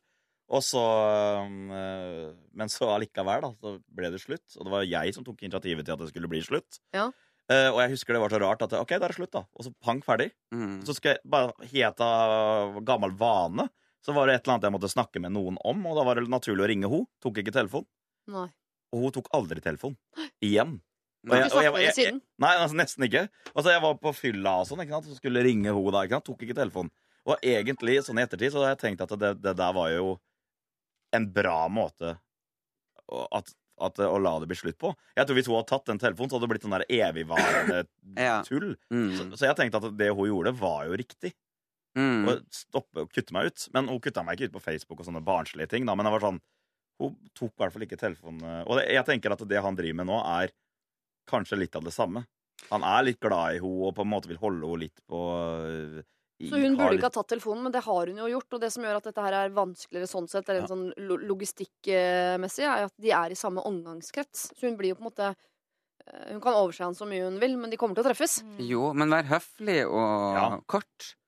Du trenger liksom ikke å Jeg har jo møtt eksen min i flere anledninger òg. Ja. men det tok ikke så lang tid før hun gifta seg, så da var det liksom på en måte gjort. Det kan hun selvfølgelig håpe på at han, Ja. at han gjør sånn. ja. Men du er klarsynt, ikke sant? Du er Nå- klarsynt. Nå kom det inn til meg. Jeg ser for meg at de er på fest på en terrasse, og så er de fulle begge to, og så blir han å dra henne ut, for han vil prate med henne ute på en balkong, og så blir de begynner begynne å kline. Så jeg bare får opp at hun må ikke drikke i nærheten av han. Hvordan skulle du få til det? Det er sommer, de er i samme omgangskrets. Det er så mange balkonger der ute. Antabus. Eller ikke det, men um, er det, Kan hun ikke få gitt han en eller annen ganske tydelig beskjed, da? Uh, altså avvise han på en eller annen måte, sånn at han, han får den samme avvisning som hun fikk, da? Han avslutta det en gang. Ja, men ikke ta telefonen. Ikke ta telefonen. Ja. Men hun, hun er ikke helt over han. For hadde hun vært helt over han, så hadde ikke hun skrevet det rådet inn her. Nei. Jeg Hun tror heller ikke hun er det. Nei. Nei, men altså, det er derfor jeg mener det er derfor det er farlig. ja, Ja. at Mm. Ikke ta telefonen når han ringer, da. Hvis du har bestemt deg for Hun har jo tydeligvis bestemt seg for at hun ikke skal gi pengene tilbake. Hun skal ikke bli sammen igjen. Mm. Mm. Og hvis du er liksom ikke helt over noen, men du har ikke lyst til å bli sammen med dem igjen heller, så kan man jo like godt la være å ta den telefonen. da. Og så hvis man dropper det over tid, Ja. så blir det litt mer kleint å møte den på en fest Mm. isteden. Ja. For at det skal liksom blusse opp noen gamle følelser, så blir det mer den derre Å, herregud, det Ja, var og da holder de seg heller litt unna hverandre. Ja. Ja. Er med venninnen sine. Ja. Sier til du, hvis jeg blir drita og har liksom lyst til å prate med han, Mm. få meg bort derifra. Mm. Ikke sant? God idé. Ok, Så det vil si nå ikke noe telefonisk kontakt mellom disse to eh, her. Sara, du må ikke ta telefonen når han ringer. Og hvis dere treffer hverandre på fest, så må du alliere deg med en venn eh, som hjelper deg å holde deg uh, unna eh, denne fyren. Er det det som er slagplanen nå for sommeren 2016 for Sara? Mm. Ja. Ja. For Sara, vi tror nemlig at du kommer til å og Hvis ikke du passer deg, så havner du på en balkong sammen med denne typen, og dere kommer til å kline, og så er vi i gang igjen. Og det vil vi overhodet ikke ha. Så nei, du skal ikke gi han en gave. Du skal ikke engang gi han gleden av å svare når han ringer. Dette er Dette er P3. Eh, og Mona skriver Jeg har en venninne. Hun er vakker, klok og snill. Hun er nå eh, over 30 år, men har aldri hatt kjæreste. Hun har møtt flere som hun dater i et par uker, og så blir hun dumpa, om man kan kalle det det. Hun er fortvila og skjønner ikke hvorfor det skjer hver eneste gang. Men jeg vet det. Jeg vet hvorfor hun blir dumpa. Jeg har bare ikke hjerte til å fortelle henne det. Jeg trøster og sier åh, du fortjener bedre, og drømmeprinsen dukker opp når du minst venter, og han er en idiot. Men sannheten er nok mer banal enn som så. Sannheten er at hun blir dumpa fordi hun har ekstremt stygge pupper. Ja, jeg vet det høres dumt ut, men dette har blitt fortalt av tre stykker som har datet henne.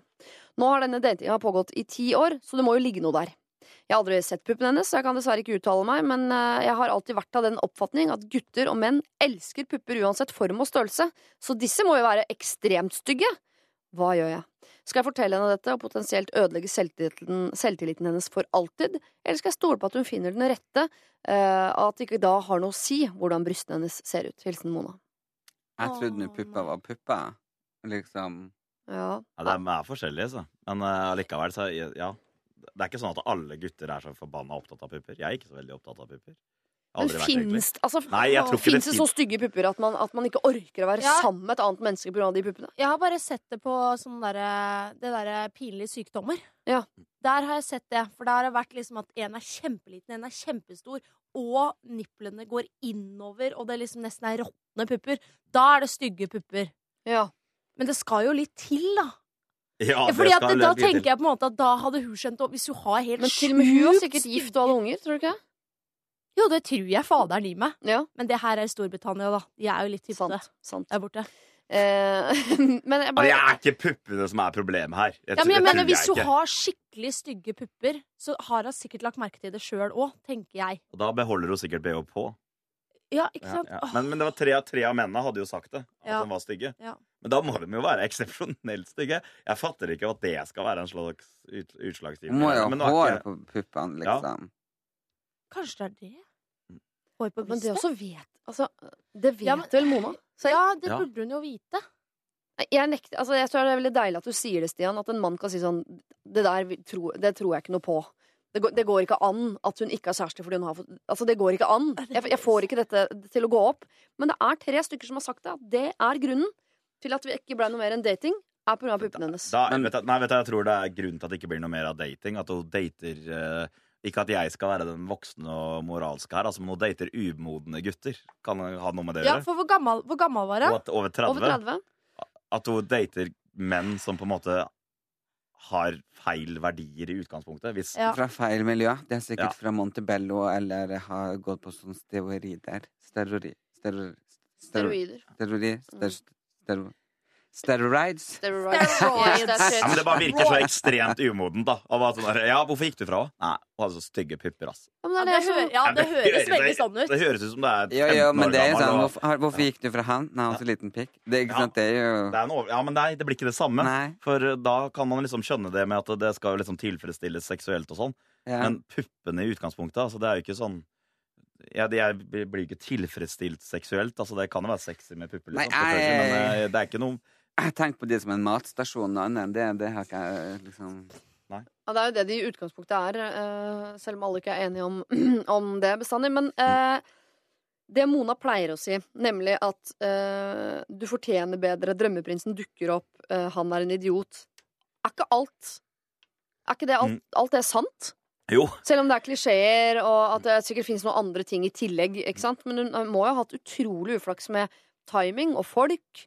Ja. Og jeg tenker at Og det det, det, fins en fyr der ute som elsker denne venninnen, som er både vakker og klok og snill, men som dessverre ikke har verdens fineste brød. Før, Liksom. Ja. før vi kom til puppene, så var jo det som jeg tenkte, at OK, hun dater feil folk. Ja. Og så kom puppene oppi det, og da var det liksom Det var jo spikeren i kista. Ja, ja, Det er feil folk hun treffer.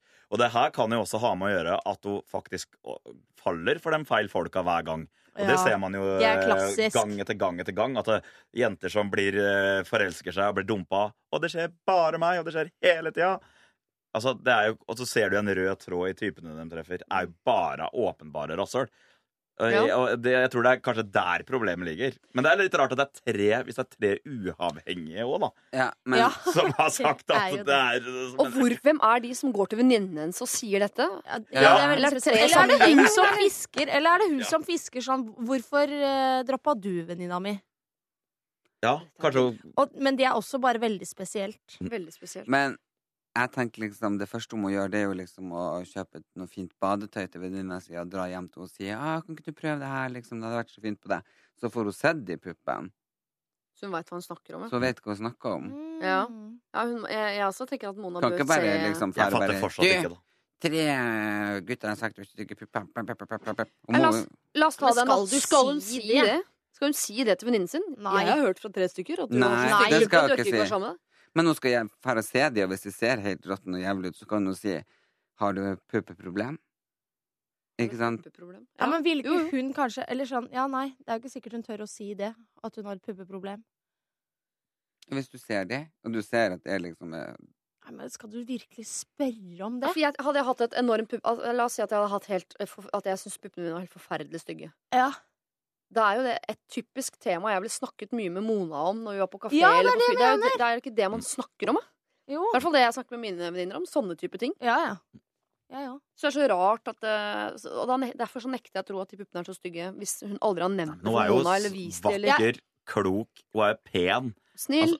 Altså, det er jo det Altså, Jeg tenker at det er heller det de må alt, altså. snakke om, da. Ikke om puppene, men heller bare snakke om at du, jeg syns kanskje du møter litt feil type folk. Ja.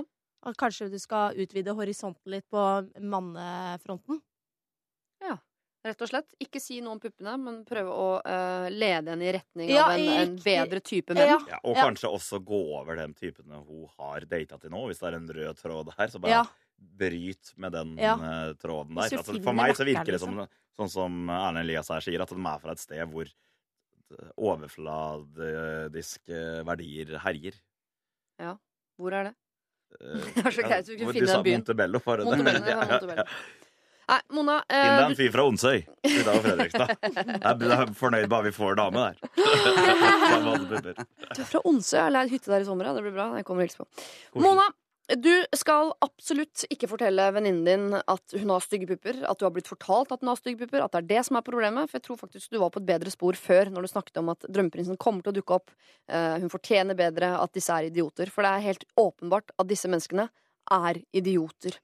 Eh, men du kan jo prøve å få sett disse puppene på et eller annet tidspunkt og, eh, se om hun faktisk har et puppeproblem. Om det er noe hun kan som gjør noe med selvtilliten hennes, for eksempel. At det er et problem der. Men det må du finne ut av på egen hånd. Men det du bare skal gjøre, er å fortsette å heie på henne og prøve å hjelpe henne å finne et miljø der det fins bedre folk som ser henne som vakker, klok og snill. Og jeg sitter her i dag sammen med eh, stylist Erlend Elias, eh, som for anledningen har rosa hår og joggebukse. Det er fordi at jeg har Pink Project 2016, der jeg kjører rosa moped, eh, får alle til å få rosa whipcard og glede seg over livet. Ja, du har et rosa år, eh, rett og slett. Kan jeg få et rosa whipcard, jeg òg, da? Jeg har rosa hår, jeg òg. Ja. Makeup-Malin, du har også rosa hår, og Ja. også eller rosa øyebryn, Ja. faktisk. Jeg har farga de, bleika de og farga de rosa. Mm. Gå inn på bloggen min, erlendelias.no, så får du rosa VIP-card, og da får du rabatt på Louis Vuitton og alt mulig ting og tang. Du det- som har begynt å spare på design, eh, Malin. Ja. Dette høres ut som en eh, Wow. god deal for deg. Ja. Stian, skal vi drite i å ta et rosa hår, eller? Uh, nei. Høres Rosa ikke ut som noe for oss. Uh, nei. Det hadde vært kult med å bare bleika og farga skjegget ditt Ja, rosa. det. Ja, det hadde vært moro. Det hadde vært moro. Ja, Til VG-lista. Ja, det hadde vært konge. Ja. Men jeg farga, jeg farga barten til kjæresten min rosa en gang. Det var Ja. veldig gøy. Men det var bare sånn som du kan vaske ut. Så det kan du ha, Stian. Kanskje du skal kline til med det, Stian? Ja. Spør hjemme først, da. Ja. Spør hjemme først. Jeg får stadig vekk kritikk for skjegget mitt. Oppfordre. Alle, alle, alle, alle til å ha Pink Project i sommer. Farg håret rosa, enten på hodet eller der du har hår, og så bare Send bilde til meg, så blir jeg dødsglad. Ja, men hva hvis Jeg de skal vurdere- farger det der nede? Skal de fortsatt sende bilde til deg da? Ja, gjerne. Der bak òg. Der bak òg. Ja, ja, da blir det et artig bilde fra meg i løpet av sommeren. Men. Jeg har farga håret mitt grønt jeg, på tissen før. Ja. Var det det? Mm, Ja. det var gøy. Jeg lurer på skal farge grønt foran og rødt bak, jeg, bare for å signalisere. og gu- gult i midten. Kjøre trafikklysfest nedentil i sommer. OK, dere. La oss gå eh, videre, da, dere. Men det er fint. Behold stemninga. Eh, for det kan godt hende at det er denne stemningen som på en eller annen måte er borte i den guttegjengen vi nå skal hjelpe. Vi er en guttegjeng som ofte samles til sosiale sammenkomster i et kollektiv hvor fire av oss bor. Vi er en større gjeng hvor flere av oss har samboer eller kjæreste. Disse eh, har med dama av og til når det passer seg. En derimot har alltid med seg dama. I utgangspunktet har vi ikke noe mot henne, men hun holder han åpenbart tilbake, så han får ikke utfall seg. Når hun er med, så virker det ikke som om hun koser seg heller, og de to drar alltid tidligst hjem. De få gangene hun ikke er med, er det alltid eh, noen av de beste kveldene vi har. Vi mistenker også at hun ikke har så mange venner ellers. Vi får dårlig samvittighet om eh, vi er årsaken til at hun må sitte alene hjemme en kveld. Hvorfor ellers skal hun alltid henge med guttegjengen vår? Kan vi fryse henne ut og, be, eh, og kun be eh, dama hans de gangene de andre gutta har med seg dama si, eller må vi bite det sure eplet og bare finne oss i det? Eh, Hvordan kan vi eventuelt gå fram? Hilsen en guttegjeng i 20-åra.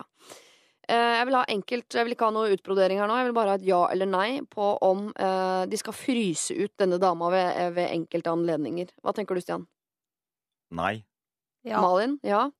Erlend? Ikke frys ut, men, men ja, ut. Ja. Ja. Det er et ja, det. Det et Men jeg har, Mm. jeg har lyst til å snakke mer om det. Kan- Vi kan- skal Ah, ja, snakke mer om det. Jeg skal bare holde Ja. dere på pinebenken Bra. eh, litt. Vi har to ja og et nei på at dette kvinnemennesket kan fryses ut ved visse anledninger, sånn at guttegjengen eh, får være litt eh, for seg selv.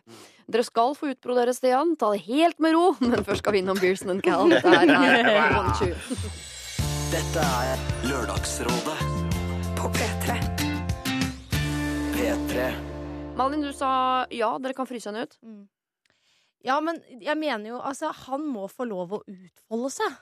Altså, Det er jo tydelig at han har det dritgøy når dama ikke er der. Hun legger jo et eller annet slags lokk på hans eh, følelser og gleder eh, når hun er i rommet. Ja. Nå får det til å høres ut som eh, det er et litt sånn dårlig forhold, eller sånn, men sånn er, sånn er det jo noen ganger.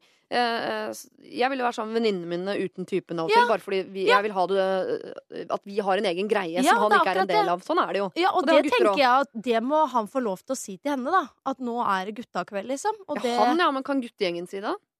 eh, Guttegjengen kan si det til, gutt, til, til, til kompisen, ja. Ja. ja. Ja, ja, Så må han si det til dama, men gutta kan si det til han. Det tenker jeg. Skal, Ja. Han blir vel ikke så såra av det? Gjør han det? Nei, må jeg si at hallo, nå er vi en guttegjeng, vi har eh, det fett sammen. Vi kan avtale når vi har lov å ha med dame, og ikke liksom sånn For ellers så blir det jo liksom et påheng bestandig. Ja, ikke sant? Eller at man bare pakker det inn sånn Hei, nå er det guttakveld, liksom, og det er bare gutta i kveld. Nå skal vi kjøre sånn maskulin uh, aften, liksom, og vi skal varme opp med noe porno. Eller jeg veit ikke. Noe sånn, sånn at hun på en måte bare uh, Sånn at han skjønner sånn OK, dette er ikke damekveld i kveld. Jeg tar ikke med hun i kveld. Så han skjønner det, liksom. Ja, At man slipper den samtalen. Man bare Ja, eh, man bare- lager noe litt sånn Man tydelige lager sånn konsepter. lite Ja, konsept, ja. Mm. Lager kanskje et event på Facebook hvor det er veldig sånn tydelig. Jeg veit da, fader. Ja, for de bor, fire av dem bor i et kollektiv. Jeg tenker Hvis det bare er sånn ja, Vi treffes hos meg i dag og ser Game of Thrones, da. Eh, Så det er liksom Da, da er det åpent. Ja, da må er damer og Ja, rusk og rask få lov til å være med. Det kan ikke være sånn Nei, det er bare for oss gutta. For på et eller annet tidspunkt så må dere vokse litt grann fra det, men beholde noen sånne Jeg mener at Ja. så lenge man lever, så skal man ha noen sånne eh, kvelder med gjengen sånn som den var i utgangspunktet. Ja. Eh, Men stort sett i hverdagen åpne opp. Mm. Men de må finne en løsning på at hun ikke er med bestandig, uten at de skal ha dårlig samvittighet av den grunn. Åssen er det med Dere er jo en eh, sånn guttegjeng som reiser rundt, Stian. Ja, jeg, det første Grunnen til at jeg sa det, at vi ikke skulle fryse ut ho, Ja. det var for at de skulle fryse ut han. Og fordi Susann høres ut som en dott. Nei, men Hvis han på en måte skal ha med seg eh, kjæresten sin uansett hele tida, Ja. og han føler på det sjøl, at det her dreper stemninga blant gutta, for det gjør det jo fort. ikke sant? Man kan liksom ikke snakke om de samme tinga hvis en på, på død og liv skal ha med seg kjæresten sin hele tida. Nei. Jeg tenker at Det er mye bedre å kanskje gi han noe hint. Da kan du ikke flytte sammen hodet og han. Du skal jo være sammen med henne eh, på død og liv hele tida uansett. Ja. Og han føler på det sjøl sikkert òg. Og, og da kan du liksom ikke Kan ikke dere to finne, finne dere et sted å bo, så kan du komme hit på guttekveld? Det virker Ja, jo som han, han har på en måte kanskje vokst fra seg det. Men de sier at han har det morsommere de kveldene han har Ja, det er absolutt det. morsomst. Det er når hun ikke er med. De Men hun, han bor vel ikke i det kollektivet? Nei, de kommer dit på besøk. Å ja. Og Jeg trodde han bodde i det Ja, for da kollektivet. kan Nei, du ikke fryse ut ham, for da blir det jo fryktelig døvt. Da blir det Ja, ikke ja, gøy nei, nei, kvelder. nei, Da er det jo okay, bare greit. tap for begge, liksom. Ja, Nei, men- hallo, jeg ville bare at én kunne tatt på seg ansvar og snakka med han, og Mm. sagt det som det er.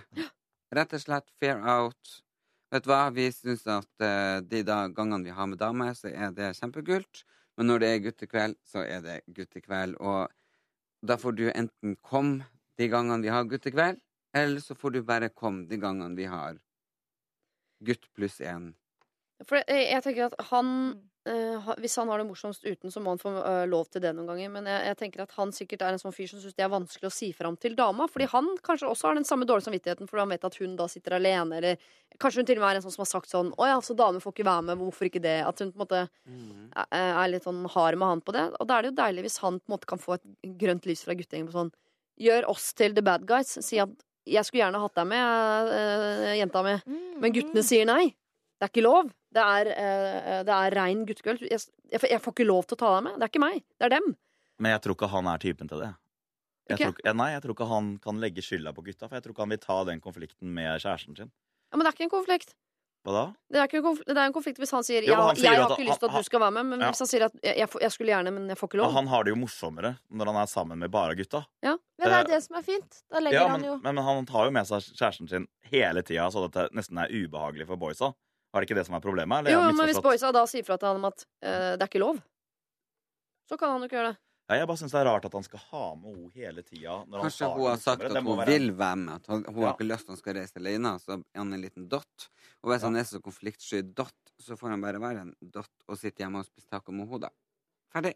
Og så fryser ut Jeg syns ikke man skal fryse ut noen noen gang, men jeg syns at alle skal ha respekt for på en måte at i enkelte anledninger så, så har vi lyst til å på en måte eh, ha det sånn som før. Og det handler jo ikke om at man ikke har det gøy med kjæresten eller ikke har det bra med kjæresten. Eller, det bare handler om at uh, vi har kjent hverandre siden uh, barneskolen. Vi har noen ting vi ler av og tuller med og holder på med, som, som plutselig bare ikke er der når gjengen er satt sammen på en annen måte. Og det handler ikke om jenter og gutter Men det her pleier å falle helt naturlig, tenker jeg. Ja. I veldig mange kompisgjenger, og her Ja. faller det ikke naturlig. Og da tenker jeg at det ligger Problemet ligger nok litt, å ta, litt hos han, kompisen. Mm. At han på en måte føler på et eller annet her. At, og hvorfor det ha- har blitt et issue, det er jo noe med forholdet deres å gjøre. Og det altså, jeg, for, for hvert fall sånn som det er i min kompisgjeng, så er det jo sånn at ok, det, ja, i kveld er det guttekveld, liksom. Og da, Da er det det, da. da er det jo det. Og, Ja. og kona mi har jo, er jo, har jo sine venninner, og nå har vi jentekveld, og da er det jentekveld. Ja. Eh, jeg føler ikke at det er et så stort problem, egentlig, men her har, har det jo blitt det. Så jeg tenker at det er et eller annet par-issue her mellom dem to. Det er ikke ofte at er- gutter krever å være med på jentekvelder. Det tror jeg nesten jeg aldri har opplevd. Men jeg har vært del av en, av en gjeng nettopp som var en guttegjeng, hvor guttene begynte å få seg damer og sånn. Hvor hun ene dama alltid var der. Og da kunne hun banne på at hun var med på pokerkveld, hun var med på fisketur, hun var på liksom absolutt alt som de guttene alltid hadde drevet med uten jenter. Og jeg opplevde aldri det som et problem da, fordi jeg var jo der sjøl. Men eh, sånn nå i retrofekt så sier jeg at stakkars la nå de gutta få lov til å stå og synge eh, Jokke og drikke Ringnes aleine innimellom, da. Mm. For det handler ikke om eller det handler egentlig ikke om fisking og gutteting og jenteting eller om eh, kjærlighet eller noe sånt. Det handler om at eh, vi har en historie som du ikke er en del av, og det, den må vi få lov til å fortsette med innimellom. Sånn er det bare. Mm. Og jeg har jo ikke noe sånn guttegjeng eller jentegjeng. Sånn, jeg har jo miksa, men Det er det beste. Og selv om jeg har kjæreste, så vil jeg jo være med min gjeng alene. Sånn, for vi ler jo av historier av kanskje ekser og bla og y-er og i det hele tatt, som ja. jeg ikke har lyst til at min kjæreste skal være med på. Så jeg syns man skal ta vare på de gamle vennene man har, og kose seg med de tingene. Så, ja. Nei, jeg er helt enig. Men som at, eh, kjæreste også burde man respektere nemlig at min kjæreste har en gjeng Ja. som han har kjent før han ble sendt med meg, og det skal, de skal få lov til å ha blir, sine kvelder. Liksom. For det, sånn blir det bare. Ja. Altså, altså Ikke noe stygt eh, ord om kona mi, i det hele tatt, liksom, men hvis kona mi er med på konsert, eh, og det er bare hun som er med, Ja. så er liksom backstagen en helt annen. Ja. Det, det er ikke det samme. Det er liksom roligere og avbalansert. Og etter hvert så har jeg begynt å sette litt pris på det. da Men, men, men samtidig så er det jo Det blir ikke det samme. Nei. Og, og det vet man jo uansett, hvis man sikkert er dame og har med seg typen sin. Vi har fått masse mail fra Lass, faktisk, som uh, ber oss om å jeg ordne kan opp i også det greiene relatere til det, for kjæresten min er DJ. Ja. Og der er det også jeg har, Det var en gang jeg spurte sånn ja, kan, Fordi jeg skulle egentlig med ei venninne på konsert. Og så sier uh, hun at hun ikke kan likevel. Og da spør jeg kjæresten min sånn Er det greit jeg bare henger med dere backstage. Og da var det litt sånn Mm. Um, La meg høre med gutta. uh, og da, da skjønte jeg jo det, og da ringte han tilbake. Og det satt langt inne for han, for da har jo tydeligvis han fått veldig nei der. Ja. Og han måtte jo han bare si nei, og at det var på en måte den regelen at dette er gutta. Det er liksom et litt sånn hellig rom. Ja. Og da måtte jo jeg bare finne meg i det og dra på konsert aleine. Vet du, det gikk kjempefint. Ja. Gikk kjempefint. Ja, Vi er jo helt enige om hvordan dette her skal se ut. At den guttegjengen i 20-åra Dere skal selvfølgelig få lov til å ha guttekvelder. Og eh, damene skal være med av og til. Dere skal ha noen fellesgreier. Lage noen nye tradisjoner, selvfølgelig. Dere skal ha en ny type gjeng. Men den gamle gjengen skal selvfølgelig få lov til å ha noen kvelder for seg sjøl. Si det til han gutten, sånn at han kan bruke eh, det kollektive eh, i denne avgjørelsen inn mot sin dame. Og er han konfliktsky, så blir det vanskelig for han. Men da får han sende en mail til lr.alfakrøll.nrk.no. Dette er P3. Jeg liker at dere alle har liksom sånn artistnavn. Til og med Erlend Elias òg, for meg, er som et artistnavn. Ville aldri funnet på å si etternavnet ditt. Jeg vet ikke hva det er engang. Hva heter du til etternavn? Hatti heiti. Hatti noe sånt. Ok, dere. Vi skal treffe en uh, på 29 år som skriver Hei, jeg er en jente uh, på 29 år som har tatt uh, høyere utdanning og har en ganske så prestisjefylt mastergrad i lomma. Dessverre var ikke arbeidsplassen jeg begynte på etter endte studier bra for meg, og da det gikk skeis i privatlivet appåtil, møtte jeg den berømte veggen og ble sykemeldt. Jeg havnet i en svært alvorlig depresjon, og fra at livet mitt dreide seg om trening, jobb, reise, venner, har hverdagen i snart tre år handlet om depresjon, selvmordstanker, angst, utmattelse, isolasjon, sykehus, leger og psykologer. Alt ble snudd opp ned, med andre ord. Etter flere år med terapi og egeninnsats føler jeg endelig at jeg er klar for å møte samfunnet igjen. Men jeg er jo ikke den personen man antar at jeg er når man ser på CV-en min. Den typen øh, jobb jeg tror jeg greier, øh, er jeg sterkt overkvalifisert til når man ser på paraplyene mine. Jeg har vært på et par intervjuer på jobber som butikkmedarbeider og resepsjonist deltid, og jeg føler at jeg sitter og ljuger så det renner av meg og, øh, om hvorfor jeg vil ha denne jobben når jeg er så overkvalifisert. Men hva skal jeg si, da? Skal jeg si at jeg har vært sjuk, og det er derfor at jeg har så store huller i CV-en? At jeg har vært syk i tre år? At jeg har store problemer med konsentrasjon og hukommelse og går på DPS to ganger i uka? Man snakker så mye om at det er bra med åpenhet rundt psykiske lidelser, men på jobbintervju skal man jo være superkvinne og alt det der. Alt jeg vil, er å ha en enkel jobb som gir meg mestring, og jeg tror virkelig at det er det som skal til for at jeg skal komme meg helt på beina igjen, og forhåpentligvis få brukt utdanningen min på sikt. Hjelp! Jeg vil ha livet mitt tilbake, men jeg er virkelig rådvill. Jeg er for hel åpenhet rundt psykiske lidelser, men jeg føler at dersom jeg er så åpen, så får jeg en merkelapp jeg aldri blir kvitt, pluss at jeg får jo i hvert fall ikke jobb! Jeg bor på en liten plass, og det er ikke eh, så mange her som vet hva jeg har vært gjennom. Jeg vil ikke bli stemplet som hun med psykiske lidelser heller, for det er så mange fordommer mot det, uansett hvordan man vrir og vender på det. Trine, 29 år gammel.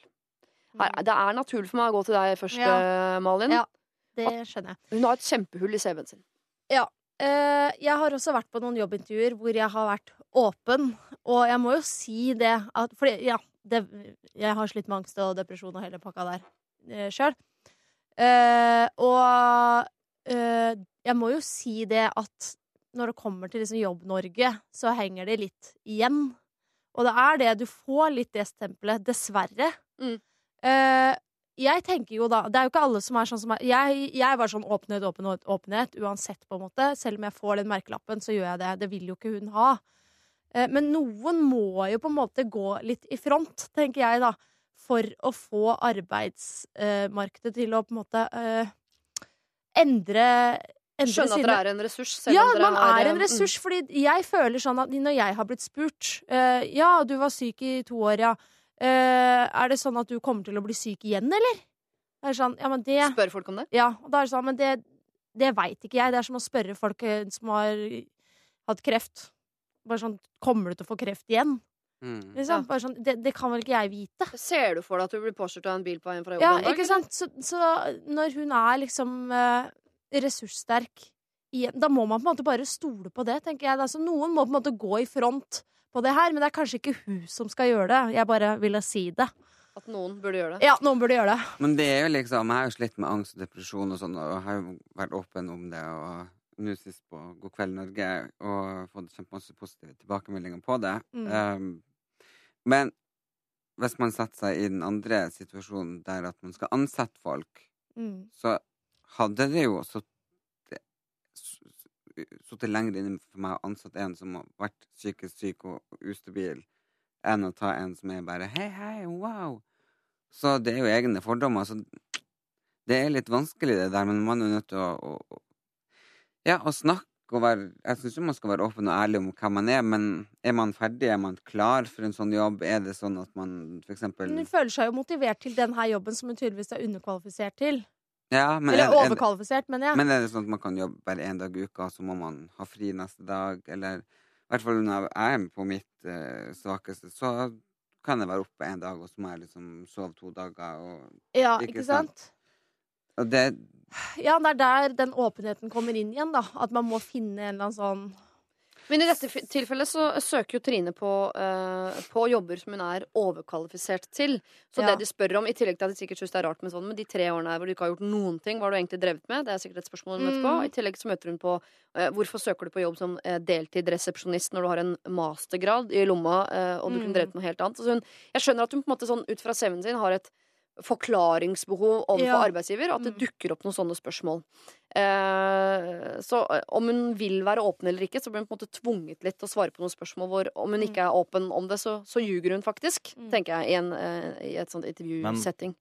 Kan man, blir man eh, respektert? Altså det, jeg vet ikke så mye om det, men man opplever jo, hvis man liksom forteller åpent om problemene sine, og på en måte kanskje gir det en grunn for at hun, det som er greia her, det virker jo nesten som at hun har levd i et liv som eh, altså samfunnet rundt henne har på en måte pressa henne kanskje litt inn i den høye utdanninga, og så har hun Mm. vært i et forhold, og så har på en måte alt stemt.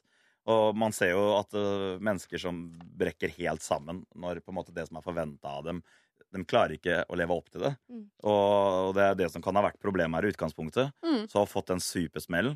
Og jeg tenker en arbeidsgiver, hvis man på en måte er åpen og ikke bare sier at eh, jeg har hatt psykiske problemer de siste tre åra, men forteller hvorfor det gikk som det gikk, Mm. og at jeg, må, jeg føler at jeg må bare starte litt eh, på bar bakke igjen for å stable meg litt opp på beina. Og det er det her, her jeg har lyst Og til. Jeg- Har ikke de taushetsplikt? Jeg mener, Om du sier det i et jobbintervju, så sier du jo ikke det hele bygda. Nei. Nei, det er sant, jeg har uh, taushetsplikt. Men jeg, tenker, jeg skal bare si en ting, nemlig at jeg tror dette problemet her kommer til å bli større og større. For vi eh, har generasjon prestasjon uh, Mm. gående. Det kommer til å bli mange veldig veldig flinke etter hvert som har huller i CV-en sin. Nettopp Mm. fordi det er mange som kommer til å møte den berømte veggen. Mm. Så arbeidsgivere må på en måte bare uh, være forberedt på at det kommer mange Trine 29 på jobbintervju framover. Og det er bra at man gjør som Trine, nemlig senker graden for hva hun skal drive med litt, for å bygge seg opp, for så å orke mer og mer. Du eh, har jo vært oppi akkurat dette her, eh, Malin, og du har valgt å være ærlig på det. Men Mm. det har jo også s- antagelig skremt bort en del arbeidsgivere. Ja, det har skremt bort et par. Det har faktisk det. Men, men vet du at det er derfor, eller kan det hende at det har vært Eh, jeg, jeg kan jo ikke si 100% men ganske ja.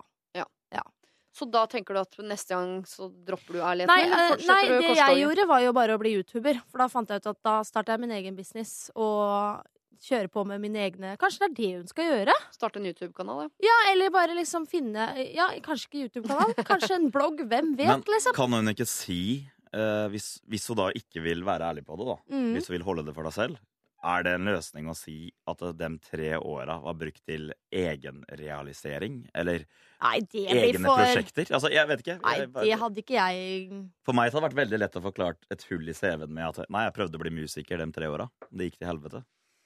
Ja eller tenk, altså, Eh, Ikke bør ikke være det, da, men eh, ja, nå vet jeg ikke. Men vi har jo Nav veldig ja. som hjelper, så jeg tenker at kanskje hun skal er prøve å få seg en praksisplass gjennom Nav først, for å se hva hun uh, behersker. Ja. Og så uh, og ta det derifra. Eller gjøre som meg.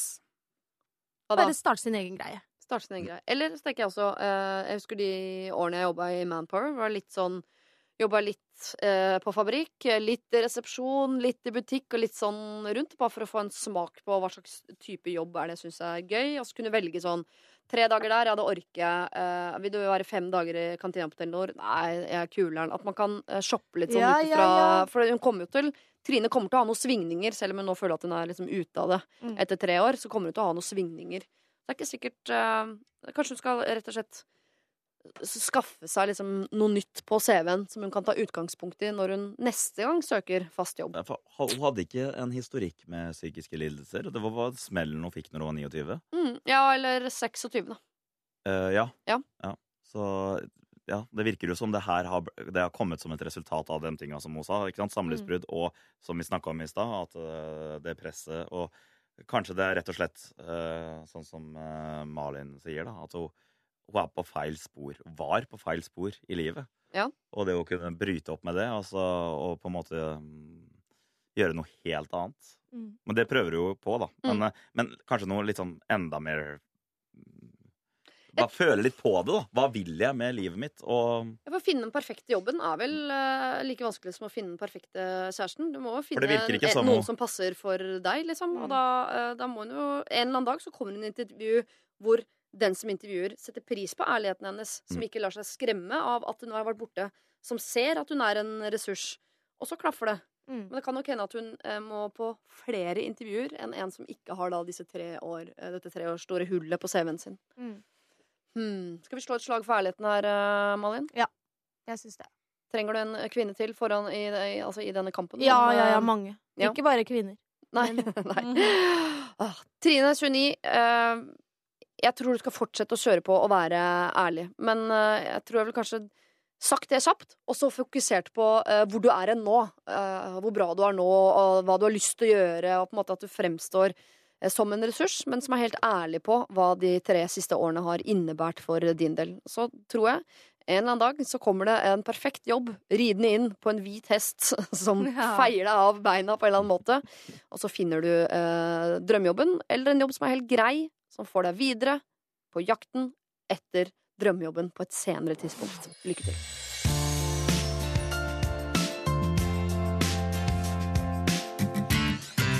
Vi skal til Lørdagsrådets eh, siste problem for eh, i dag, og det handler om eh, Facebook. Det er bra at vi har med oss SoMe-dronning Malin. Hei, hei. Du er en slags SoMe-dronning.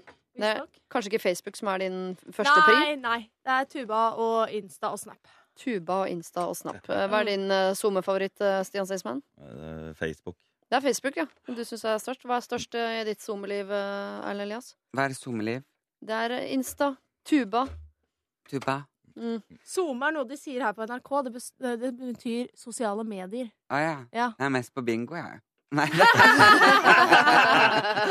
er det bare NRK som sier SoMe? Jeg trodde Ja. jeg var så ungdommelig når jeg brukte det. Nei, det Jeg plukka det opp bare jeg på bare, NRK, Ja, jeg har også bare plukka det opp her. Oh, ja. Jeg er nok størst på ellenelias.no på bloggen og på Facebook. Og så elsker jeg Snap, og så elsker jeg Insta. Men YouTube har jeg liksom prøvd meg i syv år, men det kommer liksom bare én video i året. Holdt Ja, jeg på men du må liksom, Når du først skal begynne med YouTube, da må du liksom satse Hver dag. Da må du peise på. Ja, men kanskje jeg og du skal henge litt, og så Jeg kan, jeg kan gi deg De rosahårede de kommer til å henge sammen etterpå Ja. og snakke om YouTube. Det føler jeg meg Pink helt eh, trygg på.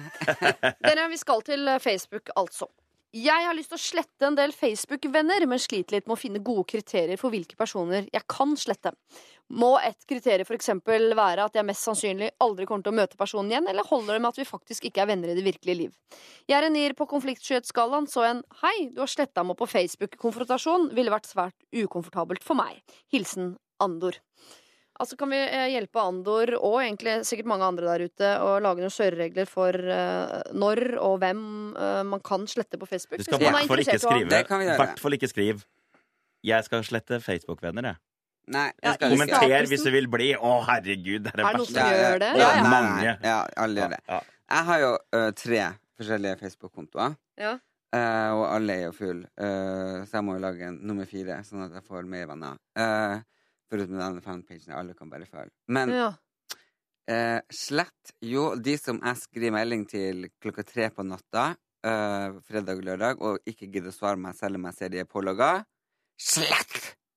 Ikke sant? sletter på natta. Ja, Ja. for jeg tenker at da er de liksom ikke keen. Skjønner du? Men herregud, kan du være opptatt? Nei. Og så de som er litt sånn irriterende, som bare driver og baker brød og vasker og trener og bare gir deg dårlig samvittighet.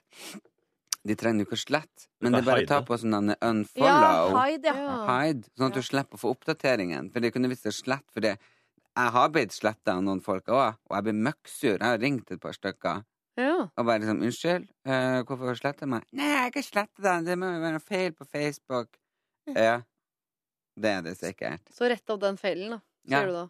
Da ringer du Mark, og så Men det er egentlig, jeg, jeg skjønner at eh, Andor sender inn problemet sitt til Lørdagsrådet, men det er klart at når han da treffer uh, fire mennesker som er opptatt av å ha uh, venner og følgere og den slags på uh, SoMe, som jeg jo mener at jeg kan si, om at vi jo nå faktisk er i NRK, så det er jo rart for oss å anbefale hvordan man skal slette egentlig venner, for det er jo motsatt i min verden av hva man driver med. Men hvorfor Jeg, jeg bare forstår ikke hvorfor. Det, det virker som det er et sånn et hevnmotiv oppi det. Nå skal jeg slette, nå skal jeg slette folk. Nei da. Det er bare Nei. for å rense livet sitt. Få liksom litt klarhet, tenker jeg. Og da, jo. da syns jeg det er helt innafor å sette noen sånne kjøreregler. Sånn som for eksempel, Jeg har sletta mange på Facebooken min. For før, når Facebook kom, da var det sånn Å, det var bare stas å ha masse venner innpå der. Men, men nå syns jeg ikke det er noe kult å bare drive og ha masse folk jeg ikke aner hvem er innpå der. Så da driver du og delete, delete, delete på Oh folk. yeah. Og da er jo kriteriet, akkurat som du sa, at hvis ikke jeg egentlig kjenner dem i det virkelige liv, hvis ikke jeg har noe er det ikke noe liksom businessmessig som jeg tenker sånn hm, dette er lurt å, å ha denne personen som venn? Eller at vi liksom ikke kjenner hverandre egentlig. Kanskje vi aldri har møttes engang. Vi bare vet hvem vi er sånn på internettet. Vekk, vekk, vekk. Ja. Orker ikke. Men er det samme kriterier på Facebook og Instagram? For nå Nei, nei, begynner nei, nei, nei, nei, nei, nei, nei, nei. Det nei, er nei, nei, nei, nettopp det. Det er nettopp det. Facebook har du liksom til å kommunisere og på en måte gjøre litt sånn business og sånn. Og så har du Instagram. Der kan du bare gasse på og, ha, og følge folk du ikke aner hvem er. Bare folk du syns er kule. Men jeg tror Kan ikke han bare slette det vennen? Og så er det ikke verdens undergang, tenker Og jeg. hvis Altså, du møter på de Ja, men det er Kompisen min, sånn han hater å følge det. Han, er- eller, han, han lever kun på spontanitet på Face. Ja. hvis han ser bare OK, det der irriterte meg noe så innst inn i granskauen, så slett. Ikke Haide, altså. Sletter. Nei, han sletter. Han orker ikke. Men, og, og han tenker, altså, men han får heller ikke noen konsekvenser av å slette. Jeg tror man som Hvis man er offentlig person, da, så tror jeg da reagerer folk på det på en mye på en, De syns det er stas å ha deg på vennelista. Ja, det er akkurat det. Ja, mens, mens han, som sletter noen her og der, noen gamle klassekompiser som han ikke har preka på på 20 år, han får ikke noe sånn veldig Prekkere, prekkere, Ja, men det er akkurat det at hvis du sletter de du egentlig ikke kjenner, som du Så merker man det vel ikke Nei, engang. så, Nei. så det er, er jo ikke sannsynligvis så stor for at du møter dem heller, at de konfronterer deg. Er det et sånt supert problem blant uh, Nå bruker jeg kun det til jobb, da, uh, stort sett. Det er ikke så veldig mye sosialt jeg driver med. Nei, men vet du, jeg får sånn så blant- masse hyggelige meldinger Ja. fra damer og menn og ungdommer i alle aldre. Liksom, Uh, når jeg har gjort noen ting, eller vært på TV eller radio uansett, og, og det gir meg så mye positiv energi. Så Facebooken for meg er jo veldig feedende på, på, på gode ting. Ja, men De Ja, kan men jo fortsatt her- sende deg melding. Jeg er også får haugevis av meldinger, men jeg blir jo ikke venner med dem for det. Nei, men det er liksom litt sånn Men jeg tror vi må sette oss kanskje litt inn i han. Han. Han er, han er Ja, en fyr med det, ja. 300 venner på Facebook som lever et vanlig liv, og jeg vet ikke hva han jobber med. Sa han det? Nei. Men i så fall, hvis, hvis han er som kompisen min, da, Ja. som styrer noe tog oppå Storo her, eh, og, og ikke bryr seg så veldig mye om den biten For vi må, vi må jo tenke på at det er veldig Mm. mange mennesker som bare Ja, ja, vi må vel ha en Facebook-konto. Og Ja. eh, hvis han bare sletter og ikke gjør et stort nummer ut av det, og hvis det er noen som konfronterer han med det etterpå, så vil jeg å, sorry, så får du ta den derre Jeg kom bort til knappen, da. Men altså? Nei, da, nei kom, ikke kom borti det, får han stå for det, for helvete. Ja, da får han stå for det. Men jeg tror ikke det her er et så veldig stort problem for han kompisen min som styrer de toga. Jeg tror, for det, han har Jeg i tror hvert ikke det fall er så aldri mange snakket som konfronterer Sånn som Erlend Elias gjør, det tror jeg ikke er så mange som er. For det, det er Jo. første, første gang jeg hører at, du ring, at folk Ja, ringer og konfronterer. aldri- Vet du hva, jeg har fått så Jo, men det er bare sånn til uh, nære folk, ikke sant, som uh, har sletta meg på tull. Men jeg har fått masse henvendelser. Fra folk som er sure fordi du har sletta dem. For at vi hadde en sånn opprydning som Jeg har jo to profiler, så var venn med begge to. Eller én person på begge to. Ja. Og så for å få plass, ikke sant, så måtte jeg slette på den ene, ikke sant. La, la, la. Herregud, for et puslespill. Ja. Ah, men jeg tror for Andor sin del så tenker jeg ok, hvis du trenger noen kriterier for å slette, ja, da sletter du eh, de du ikke vil ha der. Mm. Er ikke det bare det eneste Jo. kriteriet Og for guds skyld, igjen, ikke Du gjør et, ikke folk og ikke gjør et Facebook. poeng ut av det. For Nei, det er bare sånn oppmerksomhetsfeeding. eh, Sånn Men der, samtidig, når du, når du var venn med noen, og så plutselig ser du at du ikke er venn med noen, du får jo litt sånn vondt i deg og tenker Oi, gud, hva har jeg gjort galt? Hvorfor har han sletta meg? Får dere ikke det? Nei, ja, altså, det er noen ganger jeg har vurdert å rydde opp i Facebook-kontoen, men der er det sånn, da, er, da tenker jeg i mitt hode sånn Ok, la oss si at jeg skulle arrangert en kjempefest. eh, for å slippe da å gå gjennom syv Anders hvor det er fire av de ikke jeg veit hvem er. Sånn at jeg vet at jeg inviterer riktig Anders, så må Ja. jeg fjerne de andre. Så kanskje du skal gjøre det, Andor. Gå gjennom lista di og tenk sånn Tenk at du skal arrangere 30-årsdagen din, og hvis det er noen der du ikke kunne vurdert å invitere engang, til tross for at du har leid svært lokale og har åpen fest, så kan du slette de da på Facebook. Det kunne være det. Hvis noen har sletta meg, så tenker jeg OK. Det gjør jeg jo. Da Ja, ja. tålte de ikke at jeg spamma den singelen min ti ganger da når jeg kom inn. altså, så jeg, jeg, jeg, jeg, skjønner det, da. på Men Nei, ikke jeg lag- ringer de og sier Hva det er jeg har gjort galt nå? ja, de får noia. Ikke lag et poeng ut av det, og ikke bruk det for å straffe venner av deg som du egentlig er venn med, men som du bare har lyst til å slette som Facebook-venn, nettopp for at de skal konfrontere, så du skal få sagt ifra om noe du er. Men jeg, jeg tror ikke du er en sånn type, rett og slett. Så uh, bruk det eneste kriteriet du trenger. Er det noe ikke du er venn med på Facebook, ja, så er det ikke det, da. Dette er P3. Dette er P3. Dere har hatt mange fine problemer eh, i dag, og nå er det da altså en av innsenderne som skal få en Lørdagsrådet-kopp. Jeg skal gå gjennom hvilke problemer vi har hørt, og hvilke to som er kandidater til denne uh, koppen. Vi startet i dag morges med Tuva, som eh, har en kjæreste som antageligvis skal bo sammen med venninnen hennes mens hun er et år i USA. Hun er kandidat til uh, denne uh, dagens kopp. Så har vi Bård, som eh, syns det er vanskelig å stå fram som homofil eh, overfor familien sin, som er konservativt kristne, en religion han selv har forlatt, som de eh, nå for tiden driver og jobber med å akseptere, og nå skal han da i tillegg fortelle dem at han er homofil. Han er også kandidat eh, for å få Lørdagsrådet-koppen. Så har vi eh, frøken Kravstol, som ikke syns utstyret til typen er stort nok. Hun fantaserer om eksene sine. Vi har Sara som har eh, gitt en gave til eksen sin, eh, nemlig å spandere eh, middag og drikke på han, men hun angrer og vil ikke gi han det, og det skal hun heller ikke gjøre. Så har vi Mona som mistenker at eh, grunnen til at hennes venninne på over 30 år aldri har hatt type, er at hun har stygge pupper. Så har vi en hel guttegjeng som prøver å, å, å ordne det sånn at ikke dama til den ene kompisen alltid må være med, uansett hva de driver med. Vi har Trine, som har eh, eh, et tre år stort hull på CV-en sin. Veldig god utdannelse, men har vært psykisk syk, syk i tre år. Og nå har hun da på et forklaringsproblem når hun nå skal ut på jobbmarkedet. Hun er også kandidat for å få kopp i dag. Eh, og så har vi til slutt Andor, som trengte noen kriterier for hvem man kan slette på Facebook. Men det står altså da mellom eh, Trine med to eh, år hull i CV-en, eh, Tuva og Bård, som skal stå fram som homofil. Hva tenker du, Erlend Elias? Jeg har lyst til å gi koppen til Bård og bare fylle den med, med styrke. Og sende den nordover. En kopp full av styrke sendes nordover til Bård, som skal uh, komme ut av skapet overfor sin eh, konservativt kristne familie. Ja, Jeg vil også gi koppen til Bård. Makeup-Malin vil også sende en kopp nordover. Ja. ja. Ja. Du hadde lyst til å si en annen, du, Stian. Nå tenker jeg sånn åh, Skal jeg bare Ah, ja, det, ja, men det var så fint det du sa, Elias. Kopp full av styrke nordover. Ja. Ja, rett opp. Kan, Kan jeg henge meg på den? Det er lov å henge er seg på. Når å- andre sier noe smart, så bør man egentlig henge Ja, seg på. man bør jeg. det. Det er lurt, det. Vet du hva, Jeg har vært her gjest med Trond-Viggo Torgersen to ganger. Og det er sånn at Hver gang han sier noe, så bare å, Det han Ja. Det er han sa, var fasiten.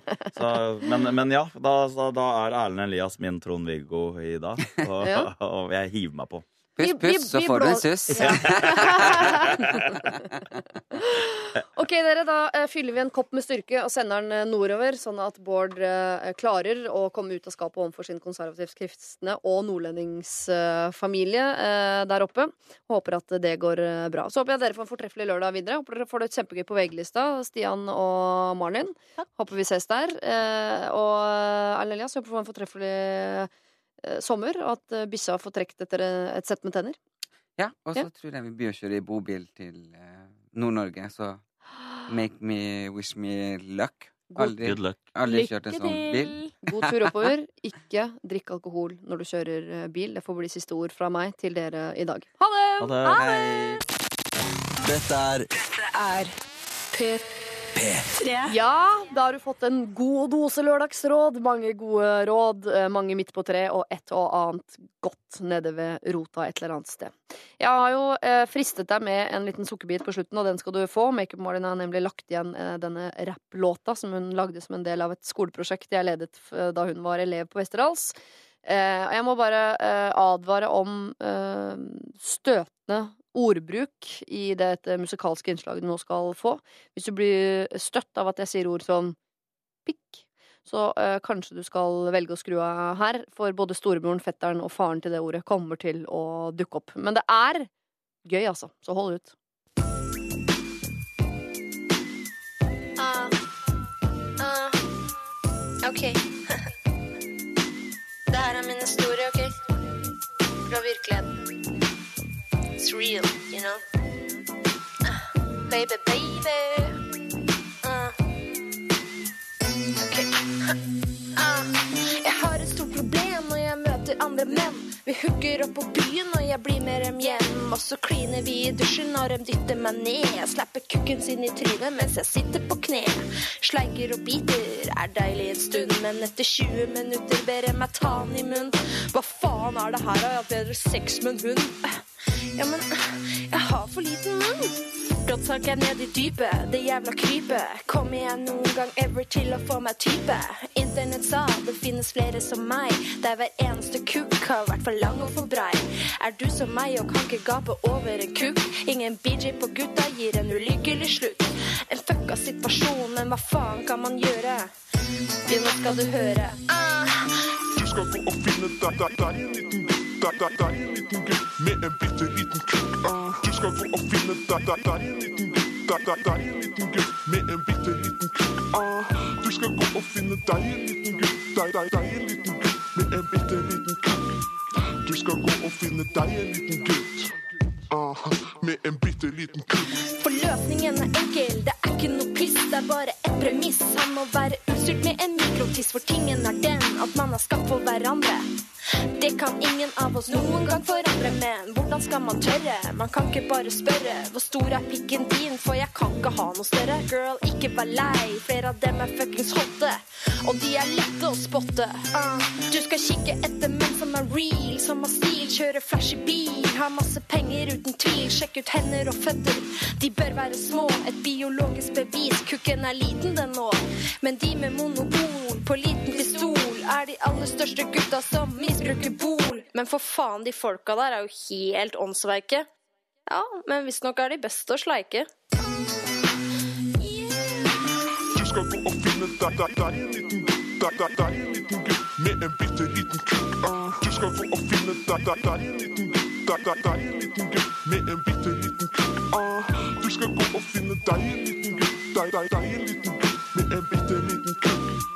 Du skal gå og finne deg en liten gutt Uh, med en bitte liten kukk.